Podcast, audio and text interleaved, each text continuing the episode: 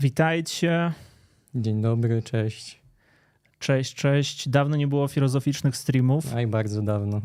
Tak. się właśnie przed chwilą śmialiśmy, bo ja tak mówię, no ile to nie było? Z cztery miesiące nas nie było we dwójkę. Potem patrzę na kanał, się okazało, że osiem. Tak, ostatni stream robiliśmy o wspólnotach, właściwie wspólnoty konstruowane, to była książka Coena. Tak, społeczne konstruowanie wspólnoty. Tak, tak, I tak. nam się wspólnota rozpadła na 8 miesięcy. A teraz robimy stream właściwie, to jest podobny temat. Będziemy mówili o narodach, o nacjonalizmie, o różnych definicjach narodu, czy w ogóle da się jakoś zdefiniować naród, czym jest ten naród, jak mówimy naród, co właściwie mamy na myśli. E, I, no i powiemy w ogóle o jakichś takich historycznych rzeczach. Od razu powiem, że nie jesteśmy historykami, mm, nie jesteśmy też socjologami, natomiast e, Politologami mamy... też nie jesteśmy. Tak. Mamy jakiś background filozoficzny i będziemy, będziemy go używać dzisiaj. Jeśli chodzi o w ogóle literaturę na ten temat, to później podamy po streamie.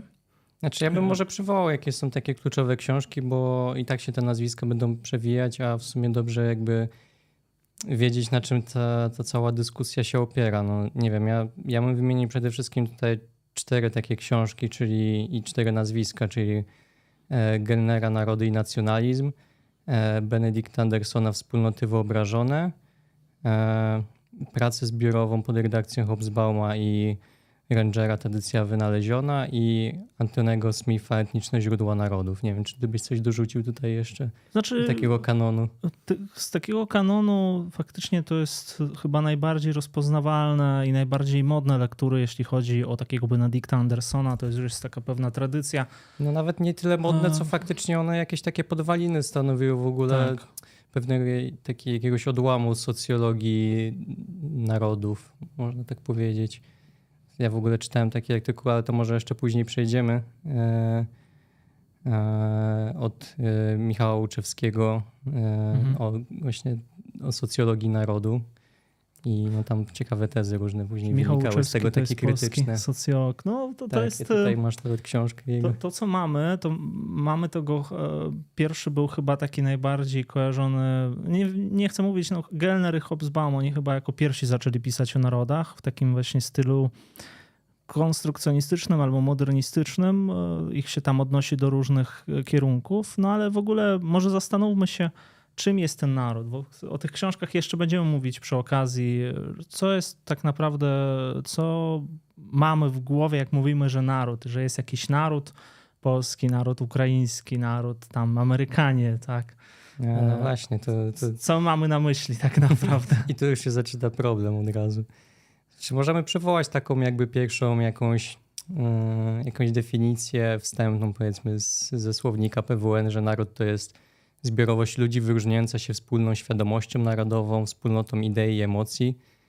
E, no i jakby niby coś mówi, ale w sobie nie do końca. Jakby to jest bez jakiegoś tutaj rozwinięcia na razie to jest takie wyjaśnienie nieznane przez nieznane. Tak. Znaczy, niektórzy badacze w ogóle proponują, żeby nie definiować y, albo uniknąć próby definicji narodu, dlatego że każda definicja narodu od razu zawęża albo jakoś y, próbuje esencjonalizować ten naród. Znów zależy, jaką definicję podamy. Y, Kolejną rzeczą jest to, że jakby każda definicja jest powiedzmy uwikłana już od razu w jakąś ideologię, czy powiedzmy w nacjonalizm. E, Za każdym razem możemy jakby stworzyć jakąś sztuczną, sztuczną definicję, która będzie utrwa, utrwalała zbiorowość w jakichś takich pewnych, powiedzmy, tożsamościach, które, za- poza granice, których nie można wyjść. Mhm. Dlatego słowo wspólnota na pewno byśmy zostawili. Świrus, dzięki. Good job, dzięki. Good job. dzięki. Dzięki wielkie. E, Ja bym w ogóle powiedział, że y, ja zacząłem tak trochę się edukować wcześniej na ten temat, właśnie zaczynając tego, od tego słownika PWN, później Mhm. przechodząc przez różne jakieś artykuły, książki i tak dalej, później znowu wracając do tego, tego słownika. I jakby zobaczyłem, jakby to może jest banalne, bardzo banalne stwierdzenie, ale zobaczyłem, że no, słowniki to nie są, czy jakieś encyklopedie, one nie są neutralne światopoglądowo, nie? Jakby tam też sobie jakieś, e, przebijają się jakieś teorie, to napisała konkretna osoba, no w przypadku właśnie jakiegoś tam, taki PWN ma tą przewagę nad powiedzmy Wikipedią, że jest podpisane nazwiskiem, więc możemy sprawdzić jakby kto, kto jakby za jaką teorią się opowiada w swoich jakichś pracach. Mhm. I to mnie właśnie uderzyło, że to, co mi się wydawało takie, no w sumie takie, takie zdroworozsądkowe, zdroworozsądkowa ta definicja narodu nawet, a później się okazuje, że w sumie to nie do końca, że on jakiś taki, jakiś taki konstruktywizm się właśnie przebijał tam momentami. Znaczy nic złego w konstrukcjonizmie nie ma, czy konstruktywizmie, żebyśmy nie, tu nie popadali nie, też. że nie. Ja nie mówię, że to jest złe, tylko że jakby no właśnie trzeba No są trzeba założenia, pamiętać, trzeba nie? rozróżniać tak. te definicje, żeby jakby widzieć gdzie albo do czego to prowadzi. Są pewne skutki, które możemy później wyciągać z tych definicji. E, no i teraz jakby powiedzmy sobie takie kluczowe rzeczy, no bo pojęcie narodu generalnie my tu będziemy rozpatrywali nie da się, może problem polega na tym, że nie da się jakby rozpatrywać pojęcie narodu neutralnie, tak w oderwaniu od nacjonalizmu w ogóle. Na pewno różnicą jest to, że naród to jest jakaś wspólnota, jakaś, jakiś zbiór ludzi, mm, tam już nie podając innych rzeczy, które będziemy później podawać sobie, a nacjonalizm to jest ideologia. To jest takie rozróżnienie, które Gelner wprowadza. E, drugą rzeczą jest to, że jeśli chodzi w ogóle o definicje, mm, to, no to możemy powiedzieć od razu, że są definicje obiektywne i subiektywne. Tak samo jak można powiedzieć, że są dwa podejścia do pojęcia narodu, e, inkluzywne i ekskluzywne. Inkluzywne to będzie takie pojęcie narodu, które będzie wchłaniało jakby jak najwięcej do siebie e, różnych, może, można powiedzieć, grup etnicznych, które nie będzie wyróżniało jednej jakiejś grupy czy, czy jakaś narodowość, e, są jakieś znów definicje e, ekskluzywne, czyli to będzie taki nacjonalizm już. No, czyli rozumiem, że taka, takie Stany Zjednoczone byłyby, podpadałyby pod tą inkluzywną definicję bardziej, a tak. z kolei no, gdzieś tam bardziej właśnie państwa europejskie, one będą w dużej mierze jednak ekskluzywne. No, nie mówię, że wszystkie, ale... XIX wiek, y, jak mamy jakieś większe wydarzenia historyczne, rzeczywiście Europa jest bardziej nacjonalistyczna pod tym względem, jeśli chodzi o, o takie historyczne spojrzenie. Druga rzecz to, co powiedziałem, obiektywne, subiektywne y, definicje. Jaka jest różnica w zasadzie między nimi? Co, co się podaje, możemy powiedzieć w tych obiektywnych i subiektywnych definicjach? Znaczy, nie wiem, czy, czy myślimy o tym samym konkretnie, czy, czy chodzi tutaj bardziej o to, jak e, przez co naród jakby sam siebie może też e, e definiować, czy co, co, no, co stanowi o samostanowieniu, mhm. powiedzmy, narodu danego. Czy tu chodzi o jakieś poczucie nie, nie, nie, właśnie, nie, nie, czy, nie, czy nie to, to, to jest jeszcze co innego. Tu nawet nie, bo mówimy dalej o, o, naroda, o definicjach narodu. E, to chodziło o te rzeczy, sami zresztą mówiłaś przed streamem, że obiektywne to będą odnosiły się tam do religii, do języka, do zwyczajów, do terytorium instytucji, no tak. będą podawały te rzeczy.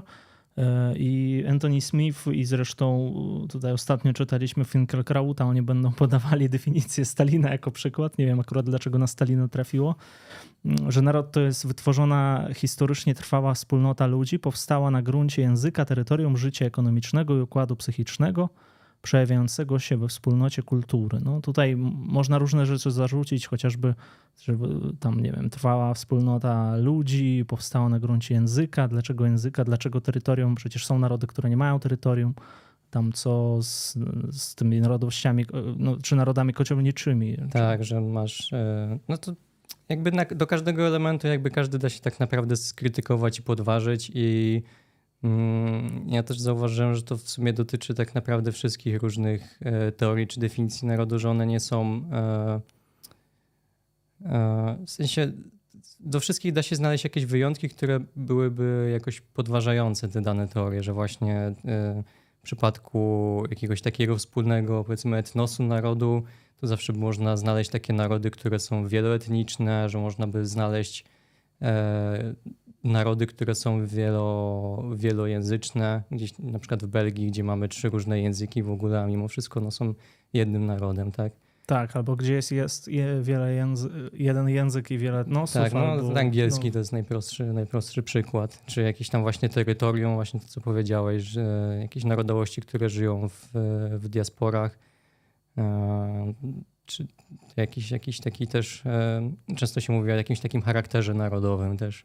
To jest w ogóle, e, to jest w ogóle bardzo ciekawe e, pojęcie, które też, czy może jakieś takie, taka myśl, która też krąży gdzieś tak takich codziennych trochę rozmowach, że no, bo Niemcy to są tacy, Polacy to są tacy, że każdy, każdy naród ma to jakieś, jakiś swój charakter, ale później jak, nie wiem, no, my sami dobrze sobie zdajemy sprawę, że nie wiem, na Śląsku no, jesteśmy inni niż tam w Warszawie na przykład ludzie, nie? że to jest jakby już znowu uwarunkowane jakby jest zróżnicowanie jakieś takie regionalne, no i też zróż, duże zróżnicowanie, no nie wiem, klasowe chociażby, tak, że no, jakby tak. tutaj są dużo większe często różnice niż między narodami konkretnymi, że może nas więcej łączyć, e, nie wiem, nas będzie więcej łączyć e, z e, ludźmi uprawiającymi filozofię gdzieś tam w, we Francji na przykład, niż z, e, nie wiem, pracownikiem budowy, który jest za oknem, nie? na przykład.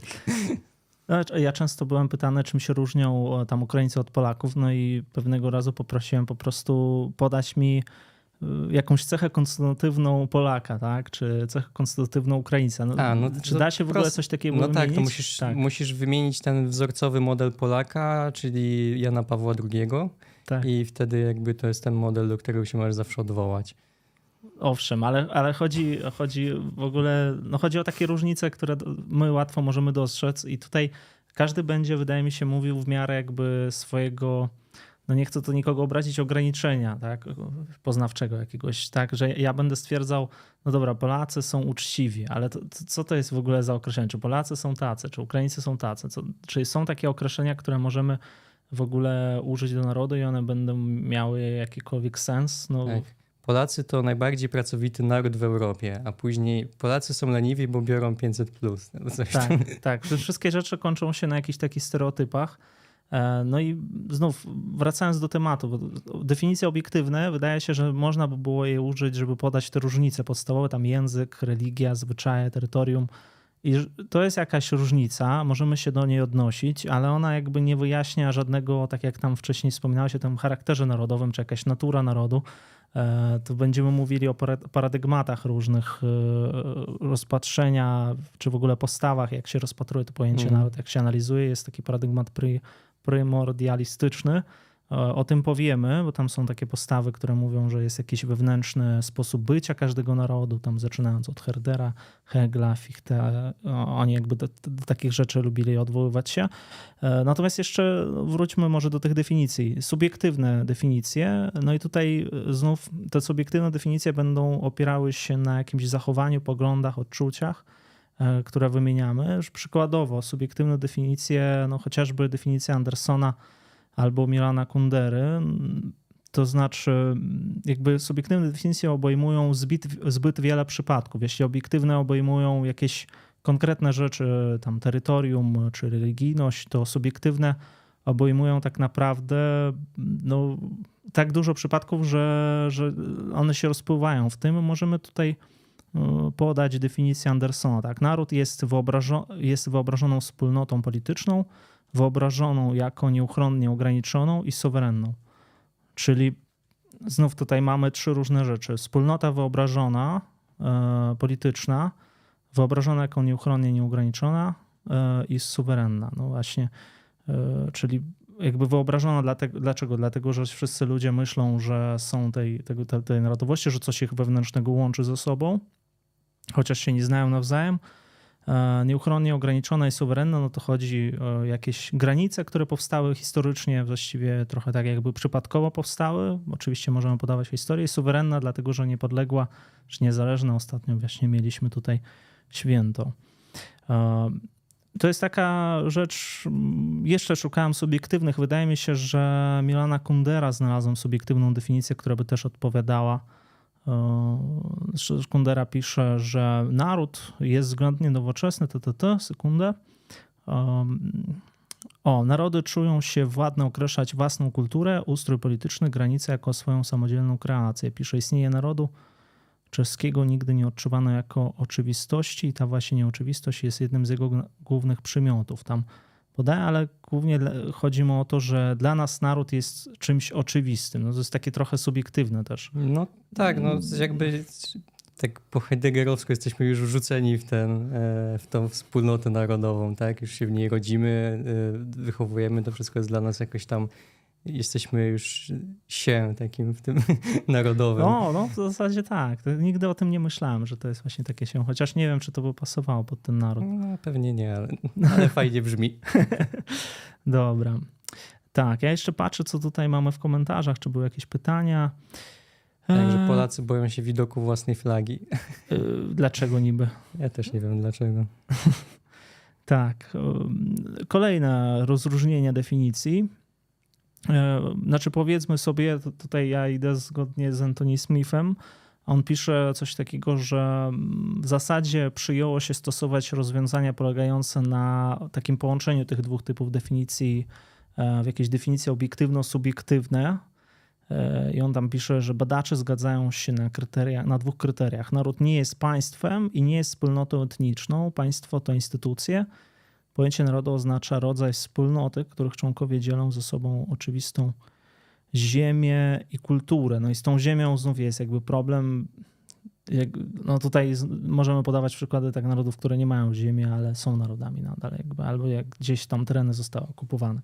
Mhm. No, E, Czy generalnie z tym, bo ty już wspomniałeś trochę o tym państwie też, e, to się no jednak wszystko ze sobą zazębia i tak naprawdę mm, jakby problem z tymi wszystkimi definicjami czy jakimiś takimi koncepcjami, które próbują pokazać sk- skąd się ten, jakby jakąś taką genezę narodów powiedzmy ogólną. Problem jest taki, że te genezy one są bardzo zróżnicowane y, jakby w stosunku, jakby każdy naród miał trochę inną historię tego po, powstania i one mogły być całkowicie w zasadzie odwrotne do siebie, że jedne czasami mogą być tak, że i to jest na przykład taka koncepcja bardziej antropologiczna, że e, gdzie najpierw e, właśnie jest ten naród i dopiero później powstaje z tego narodu jakieś państwo, a z kolei taka bardziej politologiczna koncepcja będzie odwrotna, że to Mhm. najpierw jest państwo, a później gdzieś tam e, naród z tego się pojawia. Tak, tak, tak. Znaczy, są rozróżnienia takie historyczne, czy rozumienie historyczne w ogóle pojawienia się narodu. No i my mamy też jakby na podstawie tego próby konstruowania definicji tam nacja czy naród jako arystokracja. To jest tam wiek XVI-XVII, pierwsza połowa wieku XVIII, czyli generalnie narodem jest, są jakieś elity, szlachta w Polsce, tam ukraińska jakaś rosyjska arystokracja, tam 2%. To, to Mhm. jest jakby naród, oni mają jakieś tam wartości, które są uważane powiedzmy, czy są patriotami, czy, czy są takimi właśnie, no czu, czują jakąś jedność między sobą, że są, są jakąś, Mhm.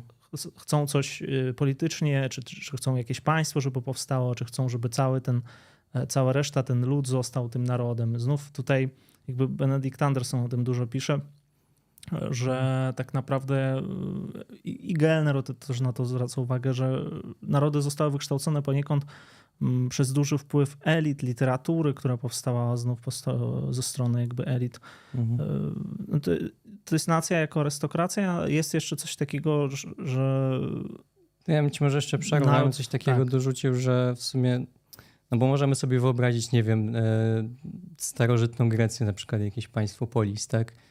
E, gdzie tam też jakby, no może nie do końca nie można tutaj mówić o narodzie, albo pewnie można w jakiejś tam, w, jak, w jakiejś wersji jednej z koncepcji, no ale bardziej chodzi o to, że e, no, naród będzie też się współcześnie jakby się nie wiązał z, e, z byciem obywatelem, tak? No, Mhm. bycie w starożytnej e, jakiejś Grecji, gdzieś tam w Atenach e, obywatelem, no to, to było bycie właśnie jakąś taką powiedzmy częścią właśnie tego, w sensie tego narodu i to jest naród. tak, i takiego. taka różnica by była e, między, między tym, o czym mówiłeś, a między tym, tymi e, polis, że no tutaj właśnie jest jakieś takie dążenie do tego, żeby te masy jakby one też się unarodowiły, tak? Mhm. czyli e, jacyś tam chłopi i tak dalej, którzy nie mieli na przykład za dużo praw, żeby oni jednak, e, w, jednak w procesie tego unarodowienia oni też nabywają właśnie takie prawa, jakby są włączani do, do, w pewnym sensie do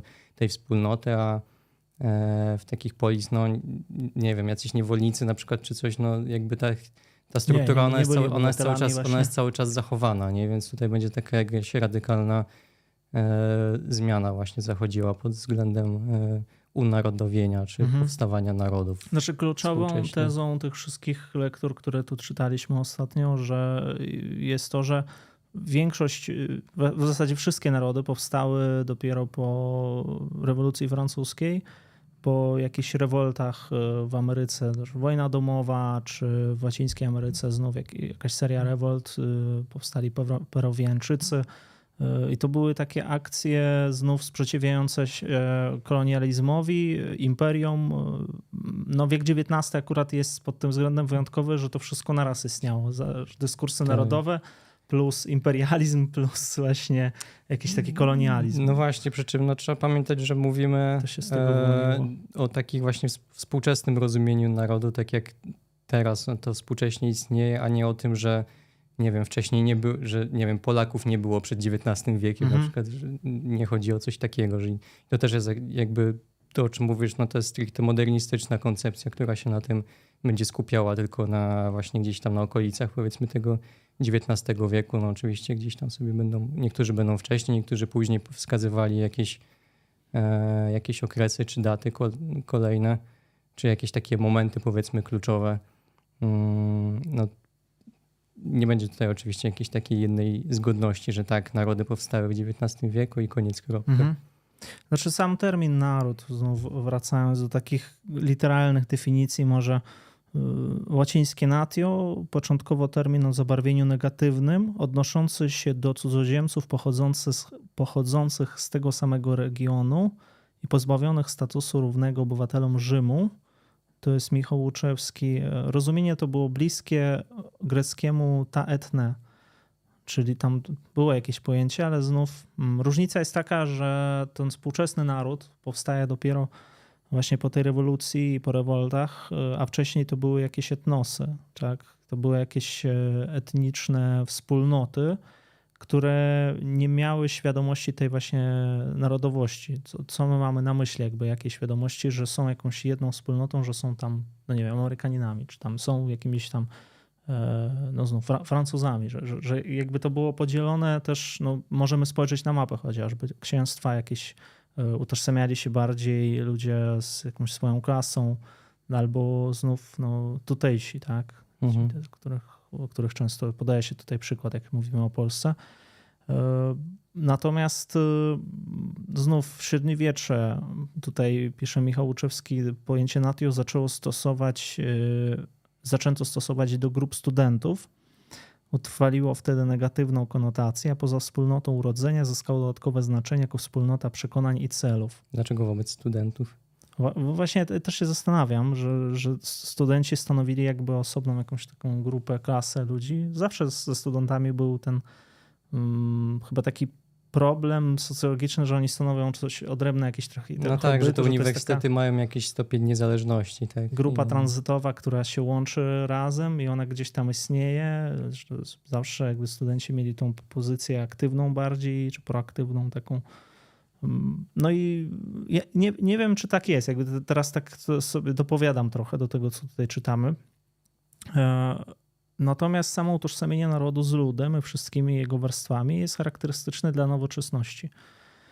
I, to już będzie jakby coś, coś zupełnie innego. Pojawia się pojęcie tożsamości narodowej, pojawia się w ogóle kultura narodu, wszystko staje się narodowe, edukacja narodowa, jakieś pomniki, kultura narodowa, literatura narodowa.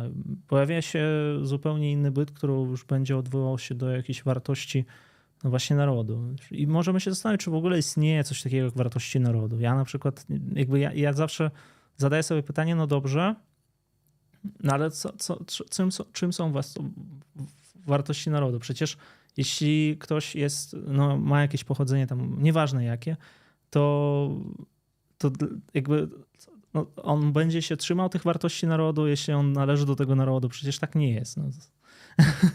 że to, to, że to, no, to nie jest naturalne jakby jego zachowanie. Czy to, coś takiego. Znaczy ja nie wiem o jakich w ogóle wartościach my tutaj mówimy. Dobra, dobra, to po- powiemy sobie jeszcze o jakich wartościach, mówiąc e, w takim kontekście paradygmatów w ogóle. E, Mamy różne paradygmaty, chociażby jeszcze chciałem na definicjach skończyć, ale dobra, zostawmy te Jeszcze, definicje. jeszcze 190 definicji Jeszcze zostało. 190 definicji nam zostało, dlatego że no naprawdę to jest... Str- Stream będzie 24 godziny. Tak, tak, tak, tak. Yy, mamy różne paradygmaty y, w ogóle nad, y, czy postawy takie jakby według których bada się ten naród. Y, cztery paradygmaty wymienia znów polski badacz Michał Łuczewski. Anthony Smith wymienia też cztery, ale trochę inne. No i pierwszy taki paradygmat to jest primordializm. Dalej mamy mm, mm. modernizm. Etnosymbolizm i konstruktywizm, tak? A właśnie tutaj no. coś innego. Ja, ja też od niego czytałem. I... Tak, tak. Ja, ja czytałem ten takie. artykuł na stronie, e, to było chyba nie PWN, tylko coś, jakaś inna strona. No dobra, to jakie ty masz? No dobra, to tak. Mm, Primordializm, modernizm, mhm. dalej jest e, kultura, kulturalizm chyba e, i, i, i, i postmodernizm. Okej. Okay. Symbolizm, etnosymbolizm będzie, za, będzie w kulturalizmie, natomiast Anthony Smith wymienia w ogóle jeszcze więcej tego. On wymienia E, tak, primordializm. E, tam wymienia jeszcze z pięć rodzajów modernizmu, czy odmian tego paradygmatu. E, wymienia jeszcze prenializm I, i, no i tam jeszcze kilka rzeczy, które tak, znaczy może żebyśmy nie wpadali, po, powiedzmy o co w ogóle chodzi z tymi paradygmatami, bo jest tego dość dużo. Mm, jakby mamy na wszystko, teraz wydaje mi się, że moglibyśmy jakoś odpowiedzieć na każde wasze pytanie też.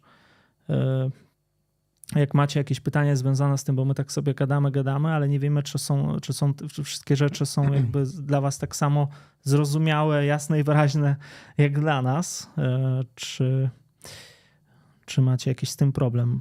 Tak. E, to nie jest Platon, od razu mówię Rafał, to jest Herder, tutaj leży u mnie. No to możemy od niego zacząć. Herder to jest taki, tak się mówi, że to jest jeden z pierwszych filozofów, który użył w ogóle po, pojęcia nacja, tylko że on mówił o Volkgeistie. To Volkgeist to jest duch narodu jakiegoś. E, I od tego się zaczyna, to jest jeden z takich pierwszych paradygmatów, e, właśnie ten primordializm. Jest więcej różnych myślicieli w tym, w tym paradygmacie. E, I, no i tutaj jest takie założenie, że każdy, każda kultura, czy każdy naród, może każdy naród ma swój niepowtarzalny, własny sposób bycia. Tak, takiego, takiego ducha narodowego każdy ma, taki, który jest taki właśnie unikalny, on jest spójny, jakiś taki, jakiś taki wieczny. Jest coś w nim takiego niezmiennego, że on, on już tam gdzieś tam zawsze tkwił w tym narodzie, on mógł się dopiero jakoś gdzieś tam zacząć być może realizować w którymś momencie, ale gdzieś ten element taki E, takiej wieczności jest nie? w tym wszystkim. Tak, tak, tak. Już, no, znów to mówienie o charakterach narodowych, o jakichś naturalnych właściwościach narodu, o tym, że naród jest ściśle zdeterminowany przez środowisko, klimat, geografię fizyczną, jakieś formy pracy, jakieś predyspozycje wewnętrzne, że one po prostu no i znów różne interpretacje tego, znaczy są tam różne interpretacje powiedzmy w tym paradygmacie, że naród ma jakieś, może mieć mit złotego wieku, do którego ma wrócić, może mieć jakieś właściwości, które się ujawniają z czasem, to jest trochę tak jakby taka pseudoewolucja zachodzi w narodzie, że on te wartości wszystkie odkrywa w sobie swoje właściwości. Mhm, właśnie, ale one się nawet nie jakoś nie nie rozwijają, właśnie tam może nawet nie ma za bardzo tej ewolucji, tylko jest takie odkry odkrywanie bardziej siebie, nie? W takim sensie. Tak. I tutaj w sumie można by jakby też, nie wiem, polskich romantyków chyba też wrzucić w takie, w takie podejście. Tak, generalnie to jest to, co mamy w tych literaturach, y, literaturach narodowych, nie wiem, czy tak się mówi w ogóle, że polskich y, znów romantyków, tak jak powiedziałeś, tam nie wiem, czy Mickiewicz Słowacki, Szewczenko, czy Puszkin rosyjski. Trochę jest tam takiego ośpiewywania tego narodu. U Tolstoja nawet coś takiego się pojawia w Wojnie i Pokoju. On tam jakieś cechy przypisuje. Filozofowie różne takie prace też często tworzą na temat tego narodu, dlaczego on jest właśnie taki, dlaczego te cechy bardziej w nim się przejawiają niż inne. No ale mhm. widzimy, że ta historia potrafi nas nieraz zaskoczyć i cechy mogą się mocno zmieniać. Mhm. E, więc czegoś takiego jak charakter narodowy, no raczej, raczej to nie istnieje. Jest to takie trochę sztuczne. Aczkolwiek lubimy o nim mówić. Tak, tak. To jest bardzo przyjemne. Nacjonaliści często z tego korzystają, jak się próbuje jakoś uzasadnić swoją. No bo w zasadzie tak naprawdę, jeśli jestem Ukraińcem, to po co miałbym coś robić, Jeśli już jestem jakby tym wielkim Ukraińcem, tak? Już jesteś zrealizowany Już- od razu, tak? Tak, tak. Już ja, ja jakby wszystkie te potencje w sobie posiadam, już y, tam super naród wielki, kurde. Że tak, że wszystkie jakby osiągnięcia danego narodu, one już są, już są częścią ciebie. Jestem przy- scalony ze swoją historią i wszystkie wyczyny wielkich bohaterów Ukrainy to są moje właśnie wyczyny, bo ja, bo po prostu ich znam jakby. Tak, po dlatego mam im więcej, im więcej będziemy sławić e, różne znane narodowe osobistości, więcej będziemy świętować różnych e, zwycięstw. No porażki w sumie też, one też mogą być bardzo definiujące dla narodu i więcej będzie takiego właśnie świętowania tego wszystkiego, jakichś różnych obchodów, pamięci i tak dalej. Tym te nasze uczestnictwo się zwiększa w tym wszystkim i możemy czerpać z tego jakąś, e, jakąś dumę, powiedzmy. Tak, no tutaj to- jest taka postawa właściwa y, może dla mm, niektórych znów tutaj, no bo nacjonalizm jest bardzo różny, żeby- żebyśmy nie przypisywali do jakiegoś, Tak, no do nie- jakiegoś szowinizmu może jest właściwa, Tak. y, te, o ile się tam wyróżniają jakoś Bo tak teraz bardzo. no, jakby w takim potocznym dyskursie, no jak mówimy o nacjonalizmie, no to się raczej dość jednoznacznie kojarzymy. No, staramy się tutaj mówić raczej tak mm, dość neutralnie o tym, Mhm. powiedzmy. O ile się da. No, No, Michał Łuczewski pisze tak, że dzisiaj poza teologią właściwie to podejście utraciło już zwolenników w kręgach akademickich, chociaż wciąż istnieje na marginesie pod postacią twierdzeń o przebudzeniu narodowym. No i to właśnie to jest takie różne twierdzenia o nieświadomości, tam narod- narodowości, że dlaczego nie jesteś tam, nie zachowujesz się jak Polak, to- dlaczego nie zachowujesz się jak Niemiec, bo Niemcy coś tam muszą to Mhm. robić. To po prostu w tobie jakby ciebie, wpisują ciebie w takie coś.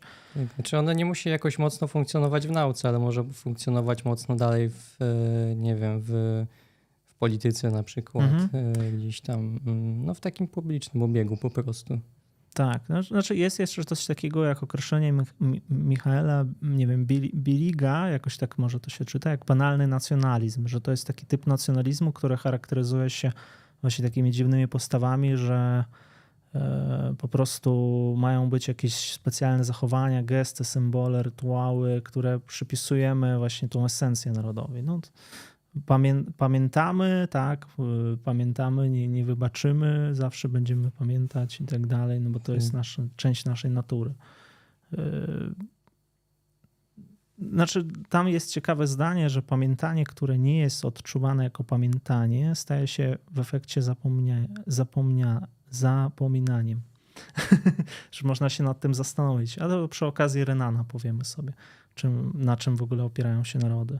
Mhm. On mówi, że narody opierają się na jakimś zapomnieniu. Czy, czy jakby naród to jest w zasadzie to są ludzie, którzy zapomnieli o, swoim pochodzeniu, natomiast wytworzyli sobie jakiś mit i zgodnie z nim się zachowują. Ale Renan tam idzie dalej, on też będzie uważał, że istnieje jakiś tam duch narodu, tylko on nie jest prymordialistą, tylko jest prynialistą, czy jakoś tak. To, to jest jeszcze inne określenie, ale o tym znów... Tak, bardzo dużo izmów jest tak, tak, jest tutaj. tego dużo. No. No i co dalej? Przejdźmy do może modernizmu. modernizmu. E, To jest taki chyba najbardziej no, obecny paradygmat w naukach humanistycznych. E, Ciężko mi tutaj powiedzieć, bo nigdy nie studiowałem jakiejś socjologii czy jakiejś historii z elementami właśnie takiej socjologii badań nad naro- narodem, czy jakieś próby definiowania czy rozważania właśnie pochodzenia narodów wszystkich, skąd to, skąd to się bierze, jakieś genezy. E, Ale wydaje się, że ten modernizm jest taki bardzo obecny jakby w różnych, e, no często się odwołują do Andersona, tak jak sam powiedziałeś, że to są takie kluczowe prace. W zasadzie Gelen, e, Boże, Gelner, tak? E, Gellner, tak. Hobsbawm i Anderson. To, to są taki, tacy przykładowi moderniści, co, co ich będzie wyróżniać od, od tych e, prymordialnych koncepcji. No to oni się jakby tam w ogóle się w zasadzie odcinają jakoś od tej, od tej przeszłości, nawet jej za bardzo nie, nie analizują, tylko skupiają się na e, no właśnie bardziej na tych współczesnych jakichś przemianach, e, kiedy pojawia się kapitalizm, industrializacja, e, która będzie stanowić jakiś taki motor właśnie powstawania narodów, że właśnie z- wraz z, tym, z tą industrializacją, z jakimś, nie wiem, e, rozwojem powiedzmy transportu, e, druku różnych tam, różnych e, wynalazków, no będzie się pojawiać jakaś taka właśnie potrzeba wypełnienia jakiejś pustki, kiedy się rozpadają takie tradycyjne też więzi społeczne, jakieś religijne. Właśnie tu mamy też kwestię tego oświecenia, rewolucji francuskiej, tak?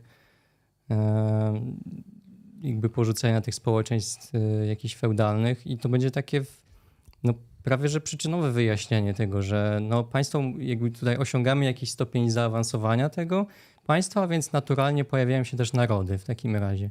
Mhm. Że to, to jest po prostu takie trochę e, funkcjonalistyczne wręcz wyjaśnienie w tym sensie. Znaczy, ja, ja, też znalazłem kilka takich ogólnych cech e, u Anthony Smitha na temat modernistów. On mówi, że po prostu e, taką główną tezą jest to, że nacjonalizm albo naród jest niczym innym jak wytworem nowoczesności. Tak. Różnica cała polega tych koncepcji, tam na przykład Gellner twierdzi, że E, coś takiego jak nacjonalizm pojawiło się tam po rewolucji francuskiej, tam pod koniec wieku, e, żeby się tu nie pomylić, o Boże, cały, cały czas mi się to myli. Pod koniec wieku XVIII, tak, e, pojawił się nacjonalizm i skutkiem tego nacjonalizmu był naród. I to jest to wyjaśnienie przyczynowo-skutkowe, tak jak powiedziałeś, że między innymi on też twierdzi właśnie, że tutaj przyczynił się do tego E, industrializacja przyczyniła się, on to wszystko łączy jakby w taką całość, że ten kapitalizm też w jakiś sposób było potrzebne jakby kapitalizmowi to, żeby ci, ci, ludzie się połączyli w jakąś jedność, więc była potrzebna ideologia i nacjonalizm akurat był tą ideologią, która, ideologią, która mogła ich, e, tych ludzi scalić po prostu. No tak, no nie mamy idei. już takich też tradycyjnych, rozpad tradycyjnych jakichś hierarchii, gdzie mieliśmy powiedzmy jakiś tam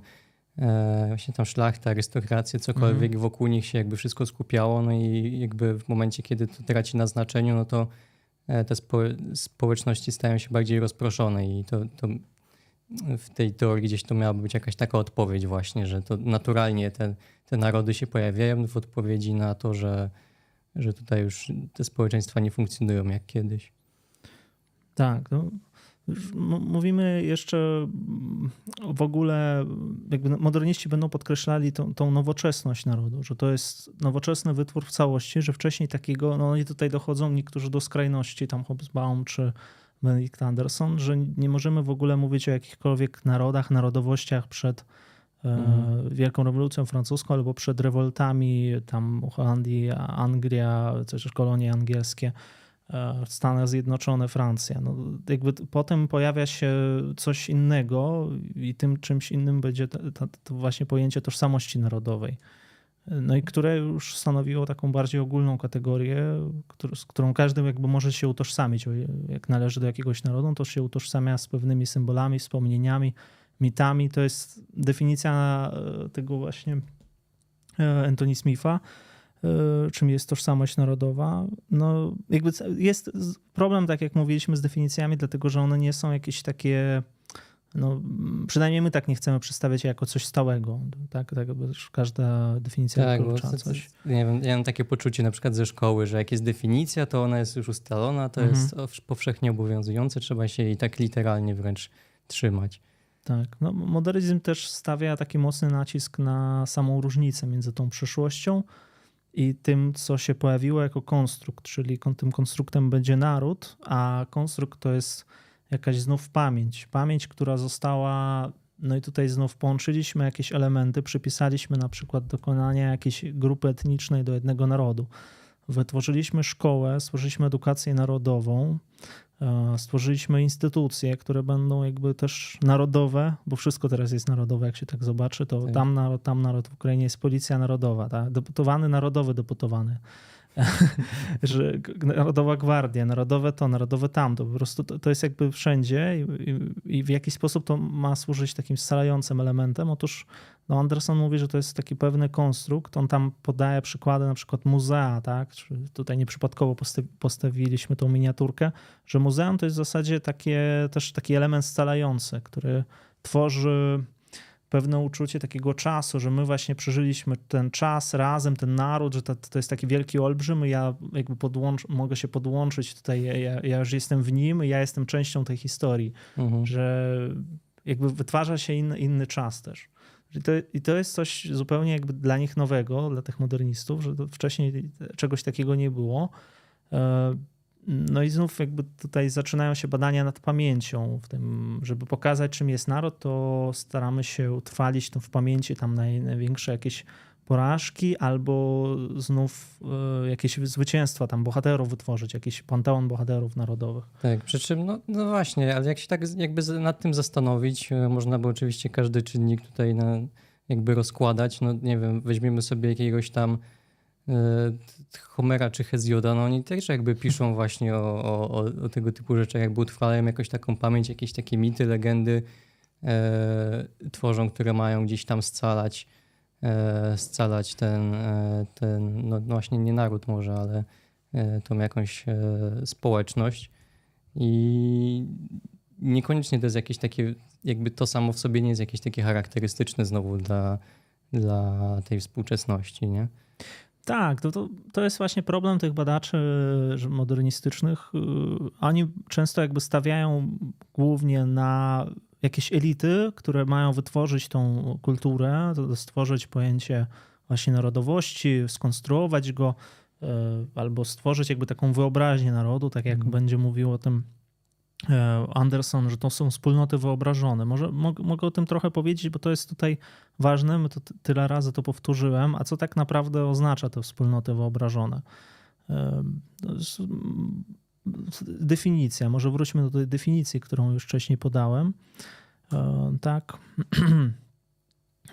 On tam pisze, że punktem wyjścia w ogóle tej książki, to tutaj pokażę, jest takie swoją drogą bardzo rzadka rzecz. Wspólnoty wyobrażone, to ciężko to kupić.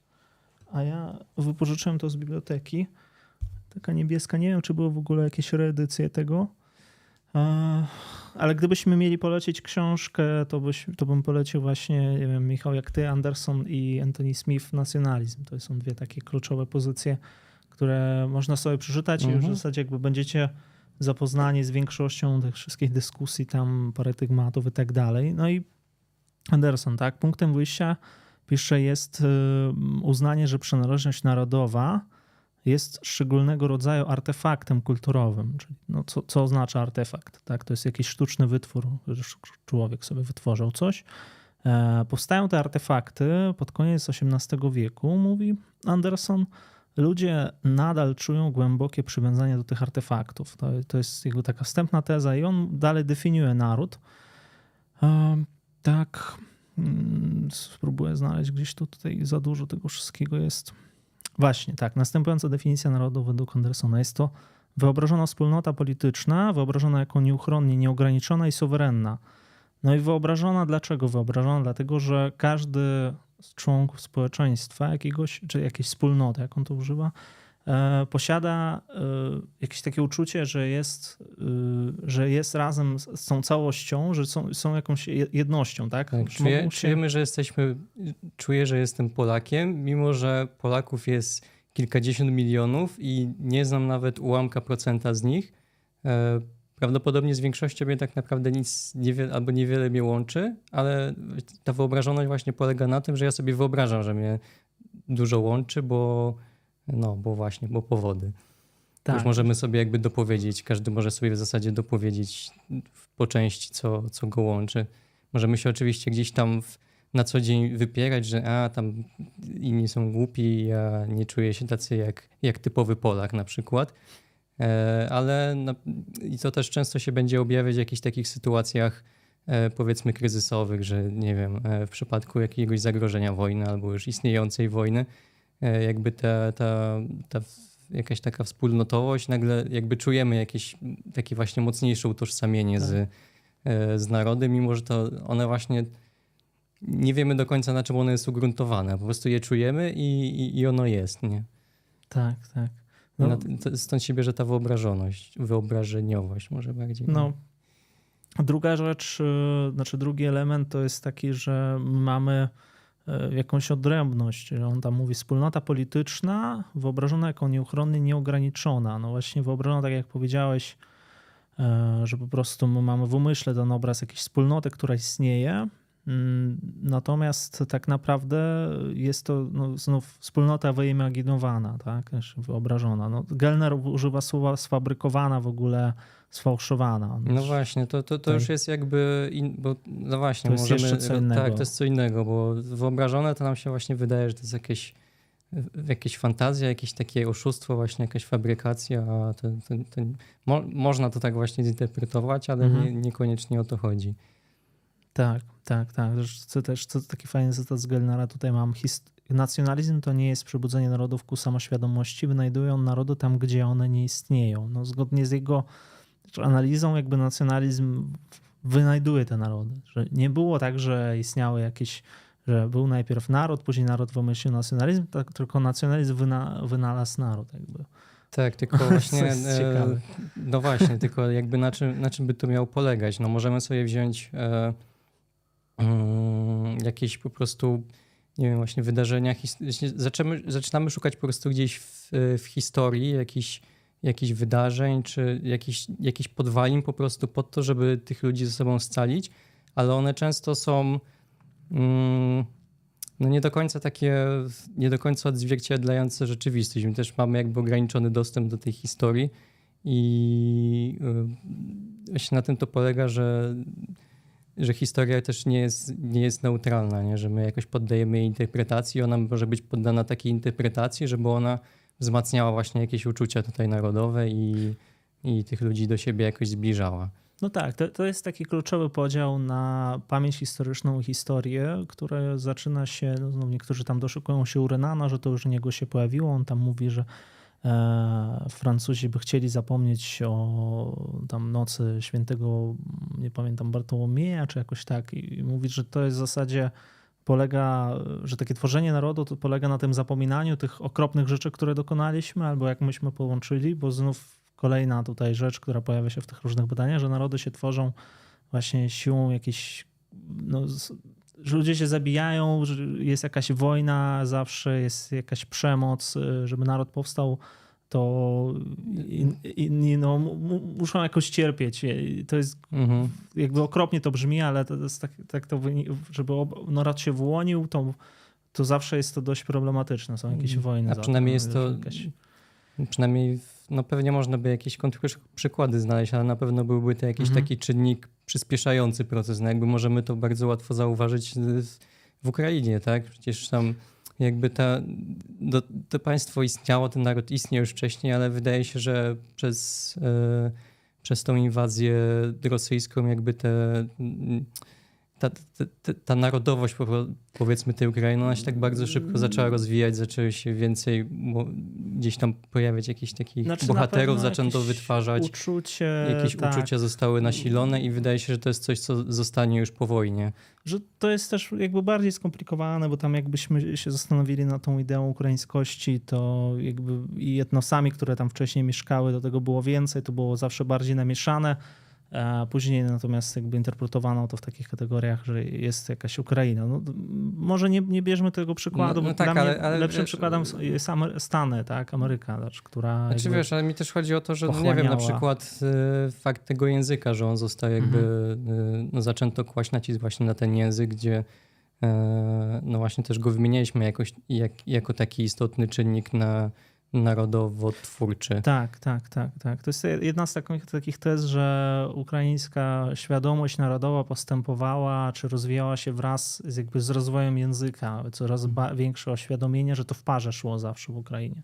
No Dlatego tak, są te spory językowe różne. bo, bo o co tak naprawdę chodzi jakby w, w takim u, unarodowianiu się, jakby o, na odróżnienie się od, od innych narodów, tak? Jakby to jest przede wszystkim tutaj, wydaje mi się, takie Mhm. kluczowe, że proces powstawania narodu to jest proces y, oddzielania się, jakby szukania jakichś różnic, często mm, wytwarzania właśnie tych różnic, czy, czy jakiejś takiej specyficznej bardzo interpretacji przeszłości, żeby się tych różnic gdzieś tam doszukać, nie? gdzie one Trochę tak, nawet nie, nie były może jakieś wyraźne, ale trzeba je, trzeba je znaleźć, żeby tutaj e, móc jakoś być kimś innym niż reszta.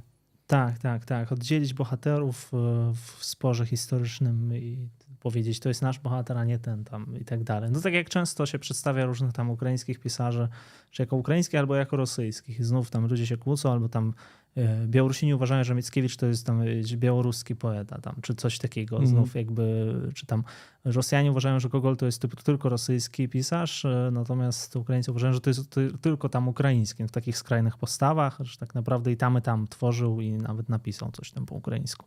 Y, Znów tam jest cała plejada tych pisarzy radzieckich, którzy w ogóle nie wiadomo, czy oni tam mieszkali w Ukrainie, czy jakieś tam określić czasami jest problem. No, pisali po rosyjsku, więc to w takim razie Rosjanie, ale przecież tworzyli znów tam y, w Ukrainie. No, no, to, to jest jakby problem. No i znów wracając do tych definicji, wyobrażone. Powiedzieliśmy, że jest y, wspólnotą wyobrażoną.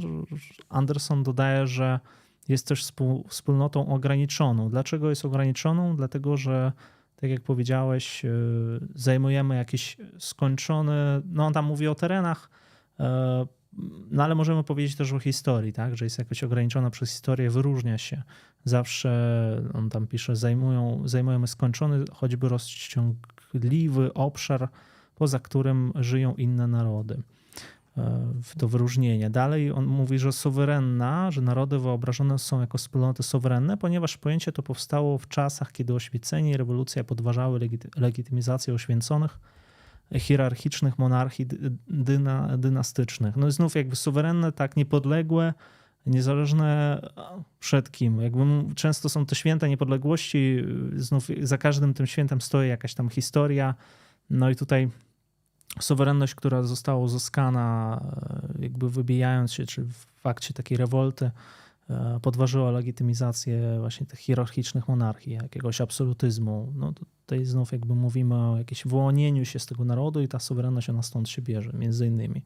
No, Mhm. Mówimy w kategoriach historycznych, bo ja wiem, że tam politycznie mówi się jeszcze inaczej o suwerenie i to jest jeszcze co innego, żebyśmy tu nie Mhm. mylili wszystkich pojęć naraz. Ja bym może jeszcze dorzucił coś, jak mówiłeś o tym jakimś takim ograniczonym e, terenie, no bo też już wcześniej wspomnieliśmy mm, no, o tym, że przecież są jakby narody, które są no, bezpaństwowe po prostu, tak nie mają jakichś własnych terenów, albo te tereny, one gdzieś tam są cały czas zmienne. Mm, no mówimy tutaj po prostu o jakiejś takiej ojczyźnie, tak? Mhm. e, w tym, e, w tym sensie.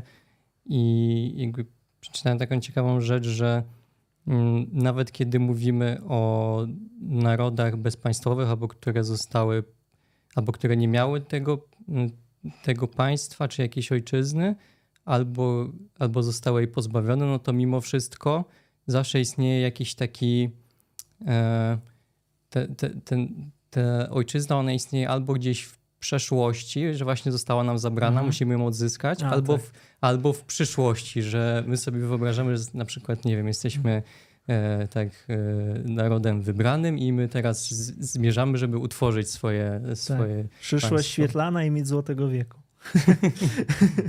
tak. No, to, to jest też ciekawe, tak, te kategoria przyszło, przyszłość, przeszłość Że to może być jakieś wspomnienie państwa, państwa które nie istniało. Może być taka legenda po prostu. Nie? Dzięki, Małgorzata, Filipę słucham i udaję, że rozumiem.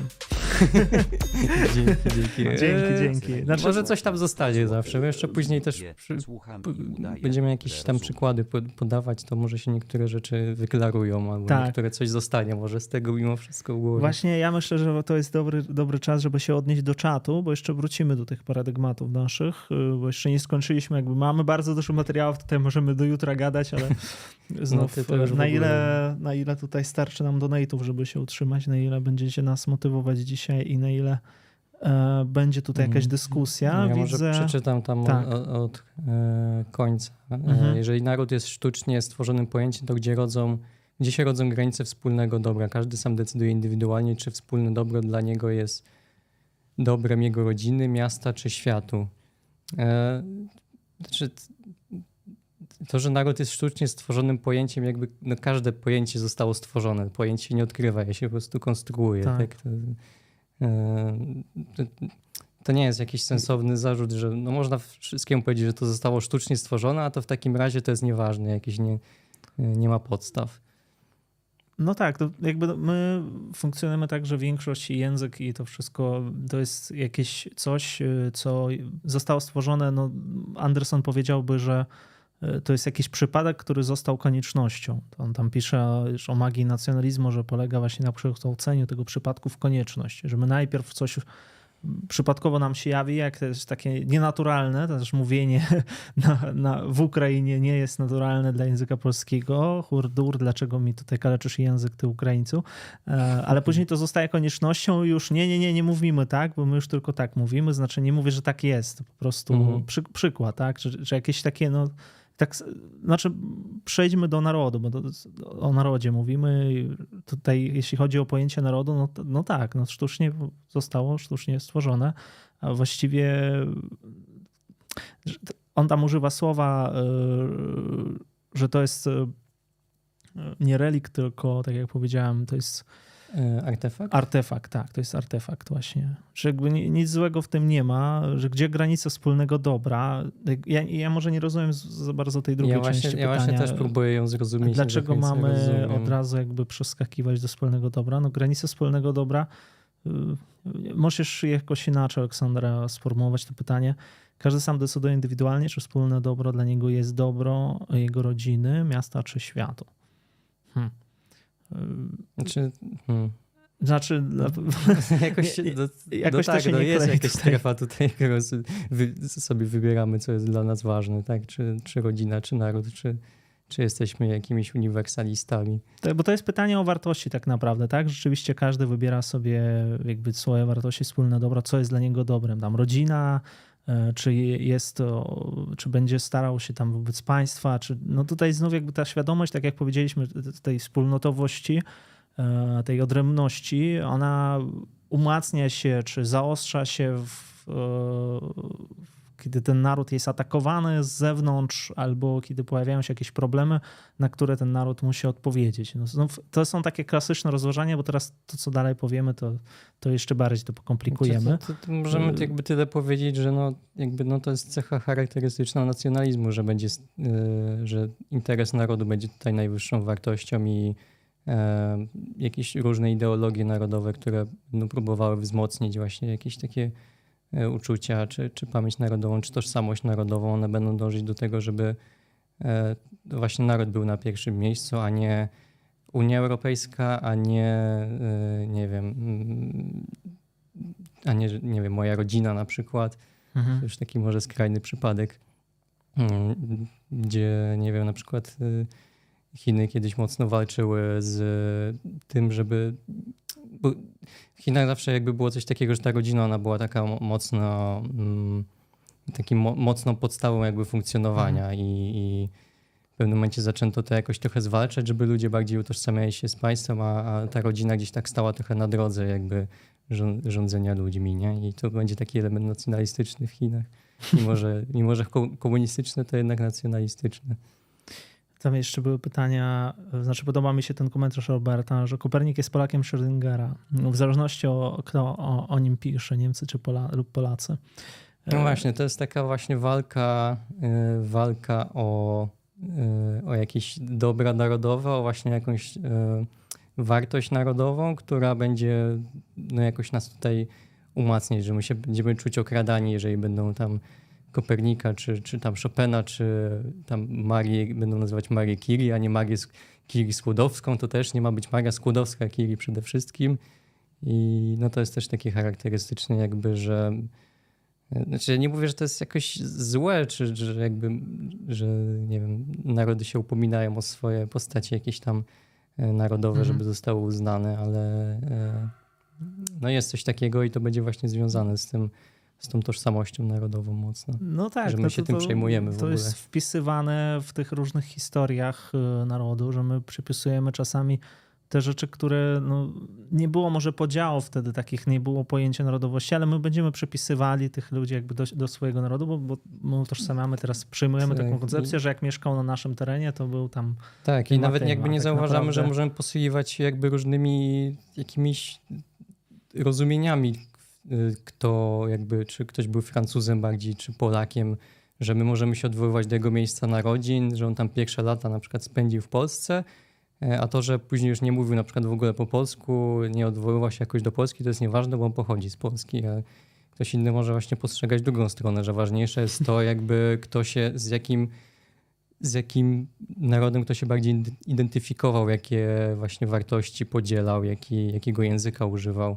I tu będą właśnie się te, te różne rozróżnienia, y, czy te, czy te kategorie będą się przewijać, nie? Mhm. A my tak bierzemy to trochę za jakieś oczywiste y, w dniu, takiej codzienności. Tak, tak, tak. Ja, ja, ja jeszcze do, do, pytań wrócę. Jaki jest wasz stosunek do interpretowania historii polskiej poprzez pojęcie traumy, czy generalnie metodę psychoanalizy? Na przykład tak jak robi to Andrzej Leder w Prześnionej rewolucji. Czytałeś Powiem... Prześnioną rewolucję? Tak, chyba, tak, tak. Ja to czytałem kiedyś. Że to było Jesteś w stanie coś trochę czasu, trochę czasu już minęło od tego. No, hmm.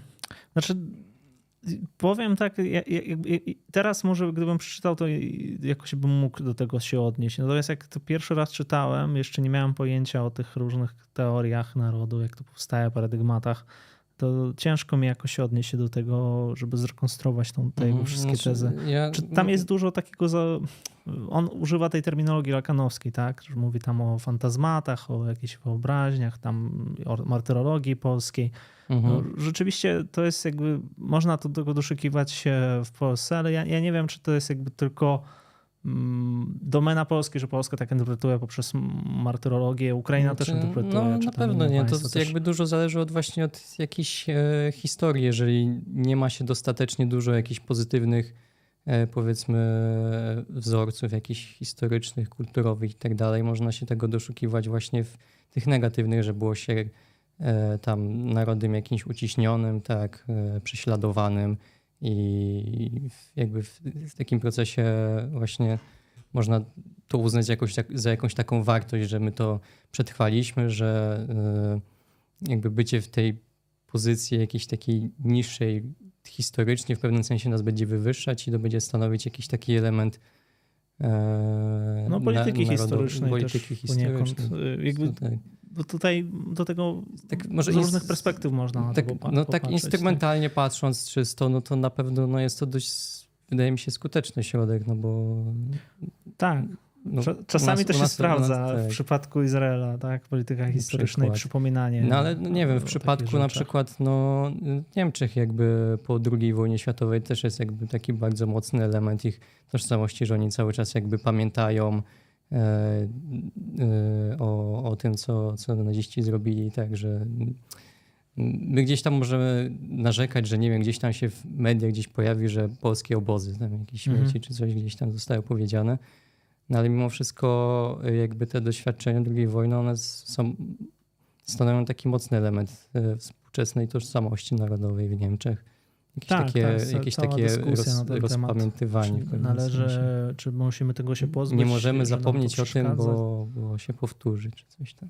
Tak, tam jest dużo. Tam, to, to jest jakby cały, cały temat. Te, te pokolenia pierwsze, one jakby nie bardzo dbały o tą pamięć historyczną i dużo we władzach było byłych tam różnych członków NSDAP i później mhm. ludzie się dowiadywali o tym, dopiero później te procesy jakby wszystko z opóźnieniem było i to dopiero trzecie pokolenie jakoś zaczęło jakby bardzo rozpamiętywać te wszystkie rzeczy. No ale już nie ma jakby tych, już nikt prawie nie żyje tam Tak, i właśnie i później, później się zaczynają znowu pojawiać głosy, że no już tyle lat minęło, już, nie, już w ogóle inni ludzie żyją, którzy nie mają z tym nic wspólnego, czy my mamy dalej jakby, nie wiem, jakieś ponosić jakieś koszty jakieś emocjonalne jako, jako społeczeństwo, nie? Mhm. Jest tam dalej dużo pytań nawet nie wiem, na które to odpowiedzieć. Nie. Czy Filip może należeć do narodu mhm. polskiego?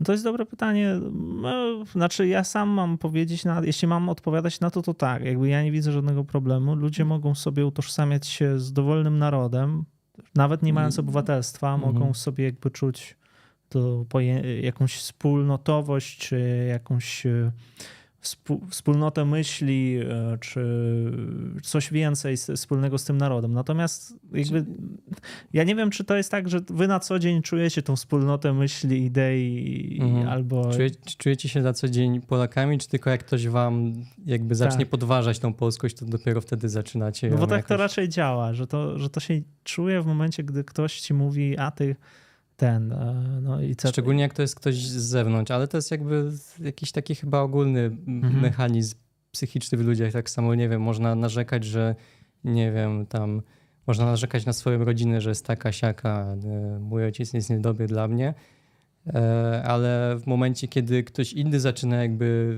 nawet używać tych samych argumentów wobec twojej rodziny, no to już czujemy, że jakby to nas zaczyna personalnie też dotykać i zaczynamy jakieś tak e, bronić tego wszystkiego, nawet jeżeli personalnie możemy czuć urazy. Ja bym może jeszcze tak przywołał to, co też na ostatnim seminarium też mhm. w sumie o tym E, e, rozmawialiśmy trochę a propos tej książki. E, nie wiem, czy ją tam masz gdzieś. Porażka myślenia Finka tak. Kraut. Tak, tak, i tam właśnie a... też była kwestia tego. Wydali ostatnio takie coś. Mm, nie wiem, kurczę, bo zapomniałem tego, tam było między Francją a Niemcami, co to było? Tak, tam chodziło o Alzację i o, o tak, że, cały spór że generalnie. Oni, był spór, czy oni mają jakby pozostać w, żebym teraz nie pomieszał, Mhm. W, w, Niemczech. w Niemczech, a nie we Francji. Znaczy, no albo w Niemczech, albo we Francji. Tak, że oni jakby czuli się z tego, co możesz nas znaczy, że czuli się a, bardziej chyba Francuzami, tak? Czy nie? Tak, oni czuli się bardziej Francuzami albo się utożsamiali jakby bardziej z Francją. Tak, i... przy czym właśnie y, Niemcy jakby argumentowały tak, że jakby kulturowo, językowo, mhm. bo w Alzacji no tam nie wiem, czy język niemiecki dominował, że oni kulturowo, tam językowo i tak dalej, oni przynależą do do Niemczech, no oni zajmują te tereny, jesteście teraz Niemcami. No i jakby pojawiła się taka kwestia, co jest ważniejsze, czy jakby taki element samostanowienia jakiejś społeczności, czy jest ważniejsze to, czy oni się czują bardziej Francuzami czy Niemcami, czy ważniejsze jest to, czy, czy w tej Alzacji e, podzielają jakieś wartości kulturowe, e, język, jakiś język i tak dalej. No i to można jakby odnieść tutaj do, do, do ciebie jakby bezpośrednio, no też y, pytanie, jakby hmm. przede wszystkim powinno być pytanie jakby kim się czujesz, a w drugiej kwestii, drugą kwestią powinno być dopiero jakby ile rzeczy jakby podzielasz powiedzmy. No, ale to też jest takie bardzo dualistyczne myślenie, że a możesz być Polakiem albo nie możesz być Polakiem, mhm. albo nie wiem, jakbyś się miał teraz wyrzec e, tożsamości jakiejś tam ukraińskiej, żeby zostać Polakiem. No. Ja już wiele razy mówiłem na innych streamach, że jestem spolonizowanym Ukraińcem, jeśli to coś wyjaśnia, bo dla mnie to jest nic jakby nie wyjaśnia. Jakoś tam wsiąknąłem tą polskość, jak tam ktoś żartował sandały Biedronka, tam reklamówka z Biedronki, to wszystko posiadam oczywiście. E, trzymam przy sobie, no ale tak może e, powiedzmy, że e, jestem człowiekiem, który jakby łączy te kultury w sobie, tak samo jak trochę znam tej literatury rosyjskiej, no ale przez to jakby nie, nie, nie chcę utożsamiać się tam z Rosjanami. W dużej mierze to jest faktycznie kwestia y, jakiegoś takiego znów wyboru, tak? Mhm. Tutaj Renan no, będzie mówił, że za tym, że my raczej wybieramy to, a nie, że jak my się rodzimy w jakimś miejscu, to oznacza, że tam należymy do tego państwa. Tak, ja właśnie się zastanawiam, na ile to właśnie można znowu odnieść do, do tej sytuacji y, na wschodzie Mhm. Że no właśnie tutaj wydaje mi się, że tu dość jasno widać ten, ten właśnie podział na y, jakieś takie subiektywne poczucie i utożsamianie się, że jednak Ukraina bardziej czuje się krajem zachodu w pewnym sensie. Mhm. No tak, Europa. A, a, Rosja właśnie używa tych argumentów takich kulturowych, językowych i tak dalej. I, I, myślę, że pod, pod, tym względem jakby też y, no właśnie też wzięły się tendencje, żeby ten język stał się jakby narodowy ukraiński stricte, że szuka się tych bohaterów, żeby właśnie wytrącić trochę broń z ręki Rosji, że oni już mhm. nie mają takich y, tradycyjno-kulturowych jakichś y, argumentów wtedy. Znaczy trwa wojna kulturowa, poza tą wojną jakby na froncie mamy jeszcze drugi front, i ta wojna, ona, no, raz, że tam Rosja, Ukraina, to wiadomo, że ta, w, tam, w tamtej wojnie Ukraina wygrała już dawno. No, drugi front to jest wewnętrzny, jakby tutaj front językowy, szczególnie, że ludzie to od czasu do czasu to też pojawiają się takie różne dyskusje na temat języka, tak? Czy tam język określa tą tożsamość narodową, czy nie. Jeśli my jesteśmy Ukraińcami, to dlaczego my nie mówimy w języku ukraińskim? E, no i jakby więcej, wszyscy się zgadzają raczej z tym, że tak, zaczniemy mówić po ukraińsku e, prędzej czy później, ale dajcie nam czas, e, albo najlepiej dajcie nam spokój, jakby zaczniemy prędzej czy później. Jesteśmy Ukraińcami rosyjskojęzycznymi, nie, mam, nie mamy jakby z tym problemów. E, są tam jakieś skrajne postawy, które się pojawiają i są tacy dziwni ludzie, powiedzmy tak delikatnie, mhm. którzy uważają, że nie tylko właśnie Ukraińcy, tylko jak jesteś Ukraińcem, to tylko po ukraińsku musisz mówić i w żaden sposób inaczej. E, no jest to bolesna kwestia, ale tutaj znów jakby, no ja nie wiem, czy ktoś tam czytał tego Renana z tych ludzi, którzy mówią, czy, czy jakichś innych tutaj e, z a, a, analityków. Dla nich to raczej było takie, że no sumie co, co mi tam gadają, to przecież język to jest naród, to jest proste, mamy tożsamość, mamy już gen, gen ukraińskości, a on jest tam tkwi w tym języku. No, no to jest dość naiwne myślenie, aczkolwiek jakby politycznie znów na tym poziomie politycznym to aż tak mhm. często to się nie pojawia. Czasami są jakieś kontrowersyjne wypowiedzi po prostu na ten temat, ale ludzie ze sobą toczą tę wojnę mhm. E, językową i ona no, będzie jeszcze nie wiadomo ile to będzie trwało. Natomiast no, jeśli chodzi o samą jakąś wspólnotę języka, no to jest tylko jeden z czynników powiedzmy narodowo-twórczych i on wcale nie określa jakby tego, czy jesteś Ukraińcem, czy nie, czy jesteś znów tam tak, Amerykaninem, no, no czy jesteś już mieszkańcem tam. To właśnie to jest jeden z takich wniosków, może przedwczesnych, bo jeszcze wszystkiego nie powiedzieliśmy, ale to jest jeden z takich wniosków, które już możemy wysunąć, że nie ma takich jakby jednoznacznych kryteriów, że to mm, jakby są jakieś czynniki, tak, które mogą się przyczyniać do, do, do jakiegoś powstawania narodu czy tożsamości narodowej, ale nie trzeba ich spełniać wszystkich mhm. albo no, no, no pewnie jakieś tam trzeba spełniać, ale to nie jest tak, że jest jakaś konkret, jakieś konkretne wytyczne, musisz odhaczyć teraz tabelkę, żeby być kimś tam, nie? Nie, no my jedziemy bardziej w taką stronę mm, takiego politycznego narodu, w takim rozumieniu politycznym naród to jest właśnie jakaś, tak, jakieś instytucje, znów jakby tutaj no, moim zdaniem Renan to wyjaśnił jeszcze, a to jest dopiero wiek XIX, on to wszystko już napisał, że człowiek nie jest ani niewolnikiem rasy, języka, religii, biegu rzek czy łańcuchów górskich. E, jest to wielkie skupisko ludzi zdrowych duchem, gorącym sercu tworzy świadomość moralną, którą nazywa się narodem. No, tutaj takie trochę romantyczne to jest, albo trochę jak, o jakimś takim duchu, ale to jest bardziej nawet e, mi się podoba e, ta definicja, że, że w zasadzie jakby to wola wybiera, kim się jest, y, czy ja sam wybieram, to jest prawo wyboru.